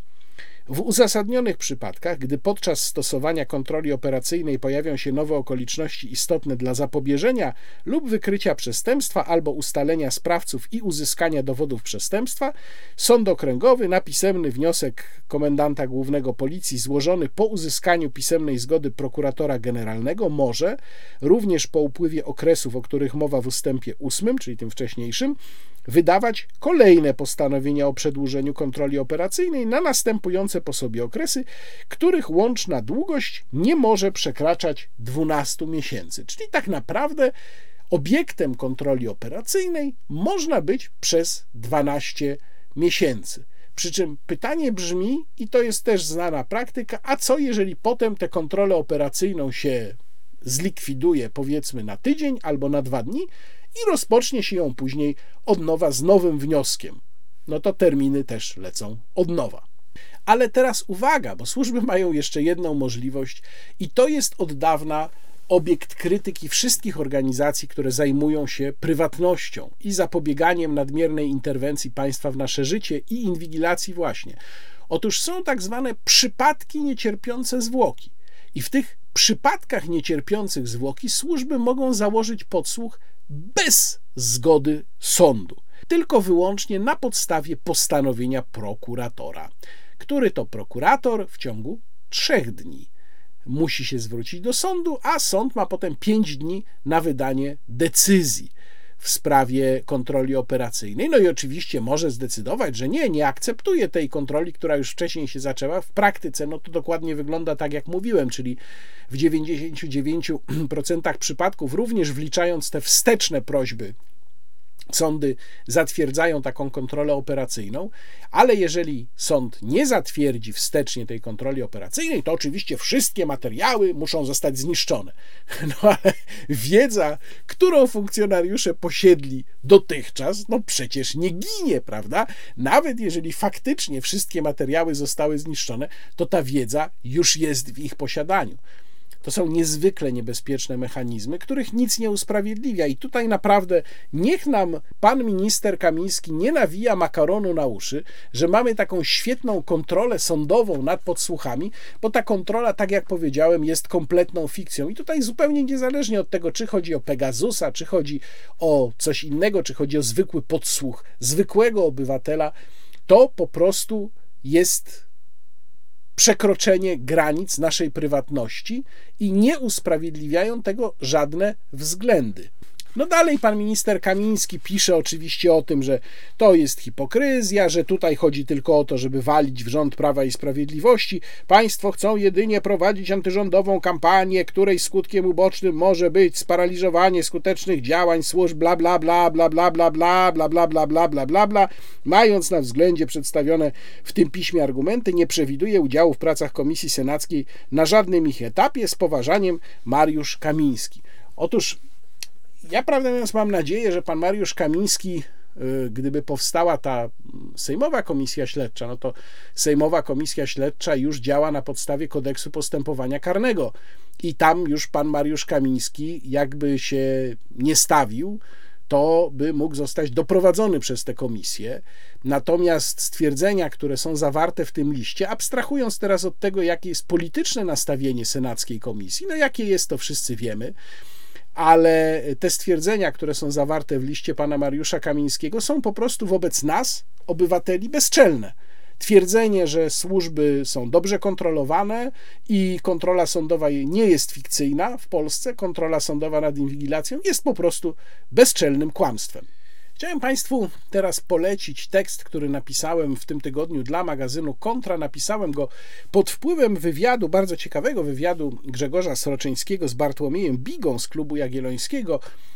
Link do wywiadu zamieszczam w opisie filmu, a Bartłomiej Biga też będzie moim gościem w jednym z najbliższych e, wydań programu Polska na serio, a wywiad dotyczył odchodzenia od własności, że młodzi już nie chcą posiadać. Ja napisałem e, w magazynie Kontra tekst o tym, dlaczego własność i posiadanie są ogromnie ważne i dlaczego ta tendencja jest bardzo niebezpieczna. Link do tekstu zamieszczam w opisie filmu również. A tu chciałem Państwu tylko krótko powiedzieć, dlaczego własność jest taka ważna i dlaczego odchodzenie od posiadania jest po prostu niszczące dla naszej cywilizacji. Po pierwsze, Własność zawsze wiązała się z wolnością. Posiadać mógł i posiadał wolny człowiek. Wolność oznaczała prawo do posiadania. Ten, kto nie mógł posiadać, to najprawdopodobniej był niewolnik. E, niewolnicy w starożytnej Grecji, w Rzymie, czy chłopi pańszczyźniani. To byli ludzie, którzy byli pozbawieni możliwości posiadania czegoś na własność lub mieli tę możliwość bardzo ograniczoną. Czyli wolność z własnością zawsze się łączyły i szły w parze. Druga sprawa jest taka, że własność i chęć posiadania rzeczy na własność zawsze były motorami postępu. E, jak stworzyć nowe możliwości zarabiania, pracy, po to, żeby ludzie mogli sobie kupić różne rzeczy. E, jak opracować projekty, towary, urządzenia, które ludzie będą mogli posiadać. To zawsze była siła napędowa nowości, innowacji, technologii. Własność to jest również podmiotowość obywateli. Podmiotowość obywateli, czyli kto posiada, ten czuje się mocniejszy również wobec państwa. Mam coś swojego, mogę tym w pełni rozporządzać, mogę z tym zrobić niemalże wszystko, co chce, no tam z pewnymi ograniczeniami, rzecz jasna, ale niemal wszystko, co chce, i to daje mi pewną siłę. To daje mi pewną siłę wobec innych, to daje mi pewną siłę wobec państwa. Człowiek, który niczego nie posiada albo posiada bardzo niewiele, jest po prostu mało podmiotowy.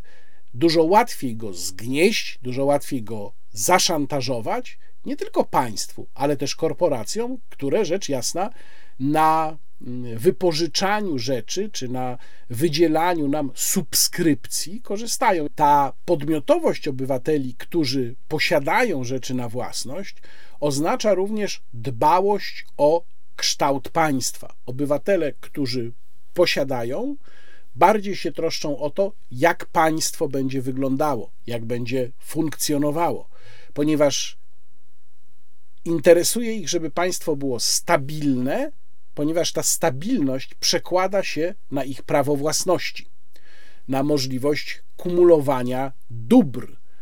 E, nie bez powodu, ja o tym wielokrotnie już pisałem, a także chyba mówiłem w którymś z wideoblogów, przy okazji Konstytucji 3 maja prawo o sejmikach, które zostało uchwalone trochę wcześniej, ale jest integralną częścią tego e, zbioru przepisów, który tworzy Konstytucja 3 maja, prawo o sejmikach wykluczało z prawa głosu właśnie na sejmikach szlachtę nieposesjonatów. Dlaczego? Dlatego, że projektanci Konstytucji 3 maja rozumieli, że nieposesjonat jest łatwiejszy do zaszantażowania, łatwiej go skusić łapówką, że ma właśnie mniej powodów, żeby dbać o wspólne dobro, bo niczego nie ma, czyli jest mu poniekąd wszystko jedno, co się z Rzeczą Pospolitą stanie. I dokładnie to samo dotyczy ludzi, którzy nie będą nic mieli w ramach tej, no można powiedzieć, nowej pańszczyzny. No i wreszcie ostatni aspekt bardzo ważny posiadania to jest materialna pamięć. To, co mamy, przedmioty trwałe, przedmioty, które mają swoją historię. Możemy je oglądać w muzeach i one nam przekazują przeszłość poprzez siebie. Ale przecież mamy to również w swoim otoczeniu. Mamy przedmioty, które przekazują nam swoją historię, które w naszych rodzinach są od dawna. To może być nieruchomość, to może być dom, który jest od kilku pokoleń w rodzinie, ale to może być również obraz, albo to może być jakaś zupełnie mała pamiątka. Ale posiadanie przekłada się właśnie na pamięć, na materialną pamięć. Jeżeli spojrzymy w przeszłość, to tam, gdzie chciano naród dany dojechać, stłamsić, albo tam, gdzie w ogóle plan był diaboliczny, to właśnie zaczynało się od odbierania własności. Przecież nie bez powodu było tak, że po powstaniu styczniowym główną formą represji poza, poza wywożeniem na Sybir było właśnie pozbawianie szlachty majątków. No dlaczego? No po to, żeby ona przestała być w jakikolwiek sposób podmiotowa w zaborze rosyjskim. Nie bez powodu komunizm jako jeden ze swoich najważniejszych sposobów działania wybrał właśnie pozbawianie własności. Kułak był wrogiem, czyli ten chłop, który miał na własność ziemię, bo własność to wolność i to podmiotowość. I dlatego, kiedy ja słucham o tym, jak wspaniały będzie ten świat, w którym nikt nie będzie nic posiadał i wszyscy będą szczęśliwi, będą sobie tylko tam wypożyczać na godziny albo na dni łóżko, samochód, telefon, rowerek, to myślę, że będzie to świat straszny. To będzie świat pewnego rodzaju neokomunizmu, o tyle straszniejszy w stosunku do tego komunizmu, który mamy już szczęśliwie za sobą, że nikt z tych, którzy się dadzą omamić i będą w tym uczestniczyć, nie będzie sobie zdawał sprawy, że uczestniczy w takiej właśnie neokomunie. No i wreszcie przyszedł czas na dział kulturalny, dział kulturalny i podróżniczy w tym wypadku, bo chcę Państwu opowiedzieć o trzech miejscach, które widziałem, e, będąc na Podkarpaciu i potem już jadąc też na północ e, z Podkarpacia w kierunku Warszawy. O jednym właściwie już Państwu mówiłem, o czwartym, czyli właśnie o Hajstrze i o e, Hucie Polańskiej. I przyznaję, tak jak powiedziałem wcześniej, że ja bardzo słabo na razie znam Podkarpacie, ale być może E, będę tam jeździł częściej. W każdym razie, mm, jak na razie, bardzo mi się podoba, również ze względu na ciekawą mieszankę kulturową, która w tamtym regionie jest. Natomiast e, pierwsze miejsce, które chciałbym Państwu polecić, to jest skansen archeologiczny Karpacka Troja. To jest w Trzcinicy, właściwie na obrzeżach Jasła. Prawdę mówiąc, trafiłem tam przez przypadek. Trafiłem tam dlatego, że nie udało mi się dostać do zamkniętego, zresztą bez należytej informacji Muzeum Regionalnego w Jaśle, więc po prostu rzuciłem okiem na mapę Google'a, co mógłbym zobaczyć, i okazało się, że jest ten skansen archeologiczny. I gdybym nie pojechał, to bym stracił okazję do odwiedzenia jednego z najciekawszych prawdopodobnie miejsc archeologicznych w Polsce, o którym przyznaję wcześniej nie wiedziałem. A już bardzo ramowy opis tego, co tam się znajduje, co tam było, powinien pokazać, jak to jest ciekawe miejsce. Trzy osady, trzy grody, które przez kilka tysięcy lat po sobie następowały, w tym samym miejscu, na wzgórzu takim górującym nad Trzcinicą. To jest jeden z tych faktów. Drugi z tych faktów jest taki, że ostatni z tych grodów, już słowiański, był wielkości Gniezna na początku XI wieku, więc proszę sobie wyobrazić, jak znaczące było to miejsce. I należał zresztą do takiej siatki umocnień, grodów umocnionych, które tworzyły ówczesny system obronny.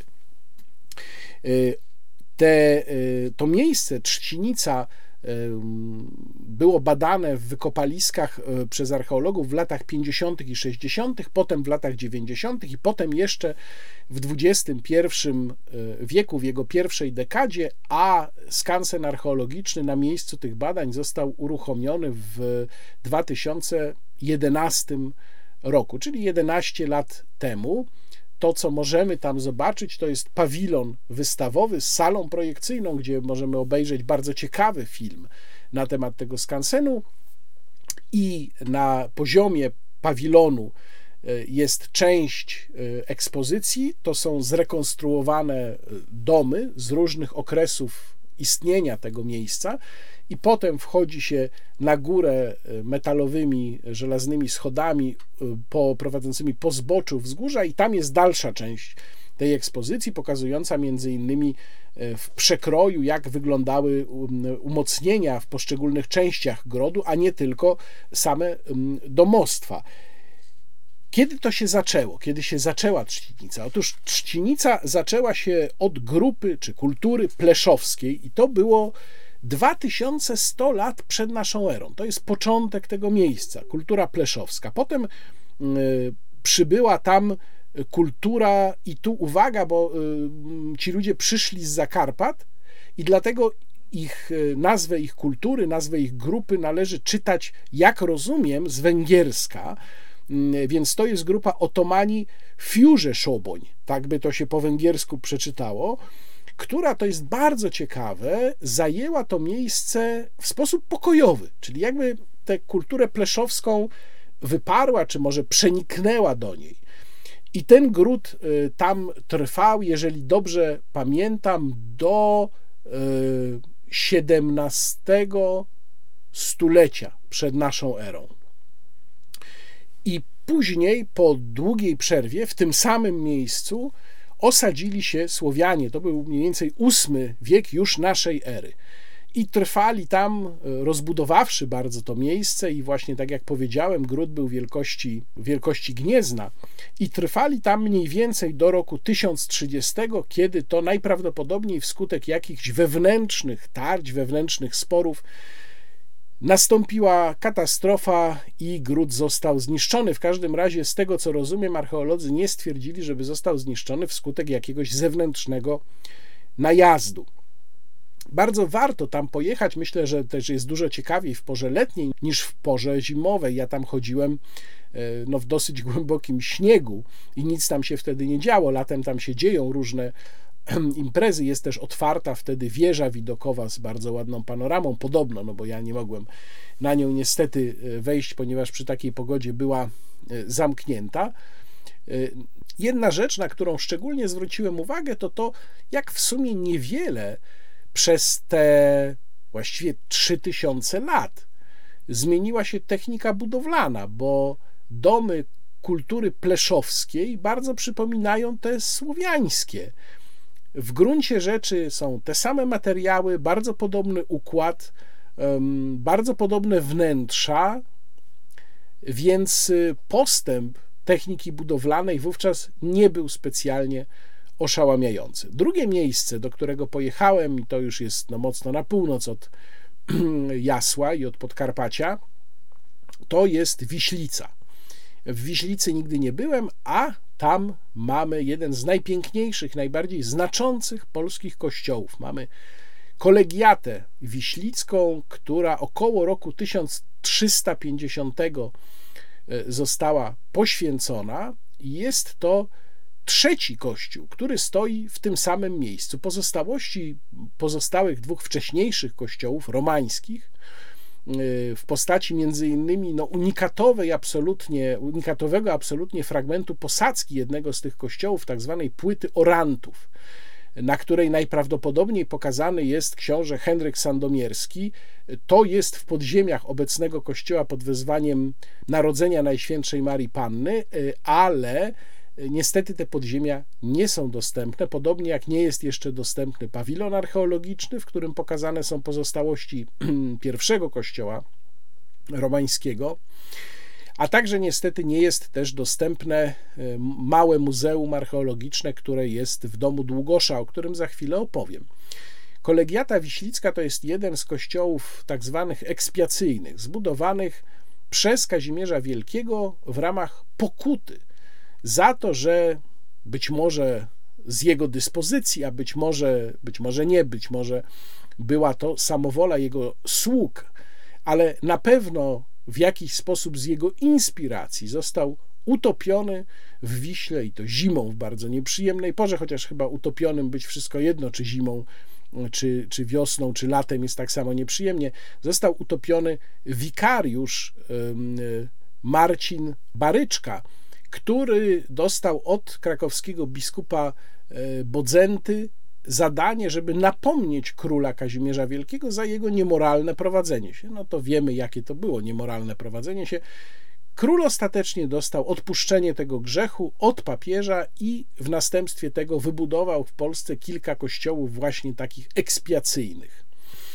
Nad południowym portalem wejściowym znajdziemy bardzo piękną tablicę erekcyjną tego kościoła, ale tablica jest już z czasów Jana Długosza, czyli ponad 100 lat po mm, poświęceniu kościoła. Na tej tablicy y, jest napis, no litery są gotyckie, nie do odczytania dla laika, ale y, figury możemy doskonale rozpoznać, bo mimo setek lat tablica jest w bardzo dobrym stanie. Na tej tablicy widzimy klęczącego króla Kazimierza Wielkiego z miniaturą kościoła w Wiślicy, klęczącego przed Najświętszą Panienką, a za nim stoi jako wstawiający się za królem właśnie biskup Bodzanty. Kościół jest prosty, ale bardzo piękny i ciekawy w środku. Jak wejdziemy do środka, to zobaczymy przede wszystkim, że przez sam jego środek przebiega linia trzech filarów podtrzymujących sklepienie, co jest bardzo nietypowe, albowiem jest to kościół dwunawowy. Takich kościołów w ogóle jest bardzo mało. W Polsce chyba to jest w ogóle pierwszy kościół dwunawowy, w którym ja byłem, czyli mamy tylko nawę e, południową i północną i właśnie te filary biegnące przez środek, rozdzielające nawy. Mamy też bardzo piękne, klasyczne, gotyckie sklepienie palmowe i w zwornikach tego sklepienia są herby różnych, między innymi ziem Polski, a także jest y, herb Wieniawa, czyli herb Jana Długosza, który już w XV wieku wybudował obok kościoła dom dla kapituły wiślickiej, dla y, księży kapituły wiślickiej i y, ten dom to był między innymi dom, w którym podobno Jan Długosz kształcił między innymi Zygmunta Starego, czyli syna Kazimierza, króla Kazimierza Jagiellończyka. W Wiślicy również y, ukrywał się, bo Wiślica wtedy była zajęta przez, przez Czechów, ukrywał się y, książę Władysław Łokietek i tam podobno we śnie usłyszał głos Władysławie wstań i zwyciężaj. Głos Najświętszej Panienki, która go w ten sposób wzywała, żeby nie obawiał się, żeby ruszył do bitwy, bo ta bitwa przyniesie mu zwycięstwo. Tak się rzeczywiście stało. No jak wiemy, Władysław Łokietek, zjednoczyciel Polski po okresie rozbicia dzielnicowego. W kolegiacie y, mamy jeszcze, y, że wrócę na moment do kościoła, figurę z, prawdopodobnie z przełomu XIV i XV wieku e, figurę, czy właściwie płaskorzeźbę Najświętszej Panienki z dzieciątkiem w ołtarzu głównym i ta figura została e, koronowana w latach 60., jest uznawana za cudowną, natomiast dom e, kapituły wiślickiej przypomina bardzo, jest niemalże identyczny, przypomina bardzo dom Długosza w Sandomierzu. No bo też zbudowany przez Jana Długosza, to znaczy no nie osobiście, prawda, ale ufundowany i zapewne Jan Długosz też nadzorował projekt jednego i drugiego domu. W tym domu w Wiślicy znajdziemy zresztą elementy związane z Janem Długoszem, na przykład na kamieniarce okiennej znajdziemy znów herb Wieniawa. W tym domu w tej chwili, jak powiedziałem, nie możemy zwiedzać niestety muzeum. To wszystko podobno ma być otwarte razem, czyli podziemia kościoła, pawilon archeologiczny i to niewielkie muzeum w domu Długosza, ale możemy wejść do sieni, tylko uwaga, Piwnice, które można też zwiedzać, są otwarte wyłącznie w sobotę i w niedzielę. Gdyby Państwo chcieli zobaczyć dom Długosza, no to co tam można w tej chwili zobaczyć, to tylko w sobotę i w niedzielę. Otóż możemy wejść do sieni, która jest y, konserwatorsko bardzo ładnie odnowiona i gdzie mamy oryginalny strop z czasów Długosza. Możemy też zejść do piwnicy i tam możemy zobaczyć y, film o Wiślicy, bardzo miłe panie, które tam mają taki, takie stoisko z pamiątkami, ale nie tylko z pamiątkami, bo na tym stoisku na przykład kupiłem taką książkę, e, ciekawą książkę o bazylice i o wiślicy, z której dużo można się dowiedzieć. Książka też ładnie ilustrowana, więc polecam. Dużych zbiorów tam nie ma, natomiast no, jest to bardzo poniekąd przykre miejsce w jednym z korytarzy tych piwnic, które są też oryginalne, mają oryginalne stropy. W jednym miejscu nawet jest e, sufit, czy właściwie to są belki stropowe, nie sufit, oryginalne z czasów Długosza. Natomiast w jednej z tych piwnic, czy właściwie w jednym z korytarzy, e, są rzeźby. E, w większości z tego, co się zorientowałem, rzeźby z okresu baroku, natomiast one są faktycznie w dramatycznym stanie konserwatorskim, poprzeżerane przez korniki, kompletnie niezabezpieczone. Jestem zdziwiony, że do takiej sytuacji dopuszczono. Nie wiem dlaczego żaden konserwator czy konserwator wojewódzki zabytków w tym wypadku nie zainteresował się tym, co tam się dzieje. Niektóre z tych rzeźb się po prostu rozpadają. Na moje laickie oko, jeżeli nie zostanie szybko podjęta jakaś akcja ratowania tych zabytków, które tam stoją, no to one się po prostu rozpadną. Zresztą niektóre już, jak powiedziałem, się rozpadają po prostu na części. Więc to jest dosyć przykry widok. Wiślice bardzo polecam i ostatnie miejsce, które chciałem polecić, mm, Kielce. O Kielcach, o muzeach kieleckich już Państwu kiedyś mówiłem przy okazji mojego poprzedniego pobytu, a wtedy nie udało mi się wstąpić do niewielkiego, małego Muzeum Lat Szkolnych Stefana Żeromskiego, które mieści się mm, na piętrze gimnazjum. Gimnazjum stworzonego w XVIII wieku, mm, do którego w XIX wieku z kolei chodził właśnie e, Stefan Żeromski, a innymi uczniami byli między innymi e, Bolesław Prus i Gustaw Herling-Grudziński, więc to jest szkoła, z której wyszło i nie, nie jedynymi, nie były to jedyne znane i zasłużone osoby, z której wyszło naprawdę wiele ważnych dla e, Polski osób. Muzeum nie jest duże, jak powiedziałem, to jest właściwie korytarz i dwie zaaranżowane sale, ale jeżeli nie mają Państwo zbyt dużych oczekiwań, to nie będą Państwo rozczarowani. Można tam poczuć atmosferę, wyobrazić sobie, zwłaszcza jak się pamięta no, na przykład przedwiośnie e, czy syzyfowe prace, to można sobie wyobrazić atmosferę takiej szkoły z terenu zaboru rosyjskiego z lat 80. XIX wieku wyobrazić sobie, jak tam mm, Stefan Żeromski funkcjonował. Zresztą no, są jego zdjęcia z lat szkolnych, w mundurku szkolnym, właśnie. Natomiast ja w szczególności polecam Państwu przyjrzenie się ekspozycji ilustracji do y, książek Stefana Żeromskiego, które wiszą chyba tymczasowo, ale no myślę, że teraz są do obejrzenia, jeszcze przez jakiś czas zapewne, wiszą w korytarzu właśnie prowadzącym do tych dwóch sali. To są między innymi ilustracje Szymona Komylińskiego, Jana Marcina Szancera, a także Moniki Żeromskiej, już nieżyjącej, czyli y, córki Stefana Żeromskiego. Y, warto, nie zajmie Państwu to dużo czasu, a można poczuć szczególną atmosferę, przenieść się trochę w tamten y, czas y, ostatniego dwudziestolecia XIX wieku w zaborze rosyjskim. To na dzisiaj wszystko. Bardzo Państwu dziękuję. Jeszcze raz bardzo serdecznie dziękuję za to, że tak licznie Państwo E, zawitali na ten kanał w przypadku mojego ostatniego wideoblogu. Mam nadzieję, że mm, tym razem będzie podobnie, czego sobie i Państwu serdecznie życzę. Łukasz Warzecha, kłaniam się. Do zobaczenia.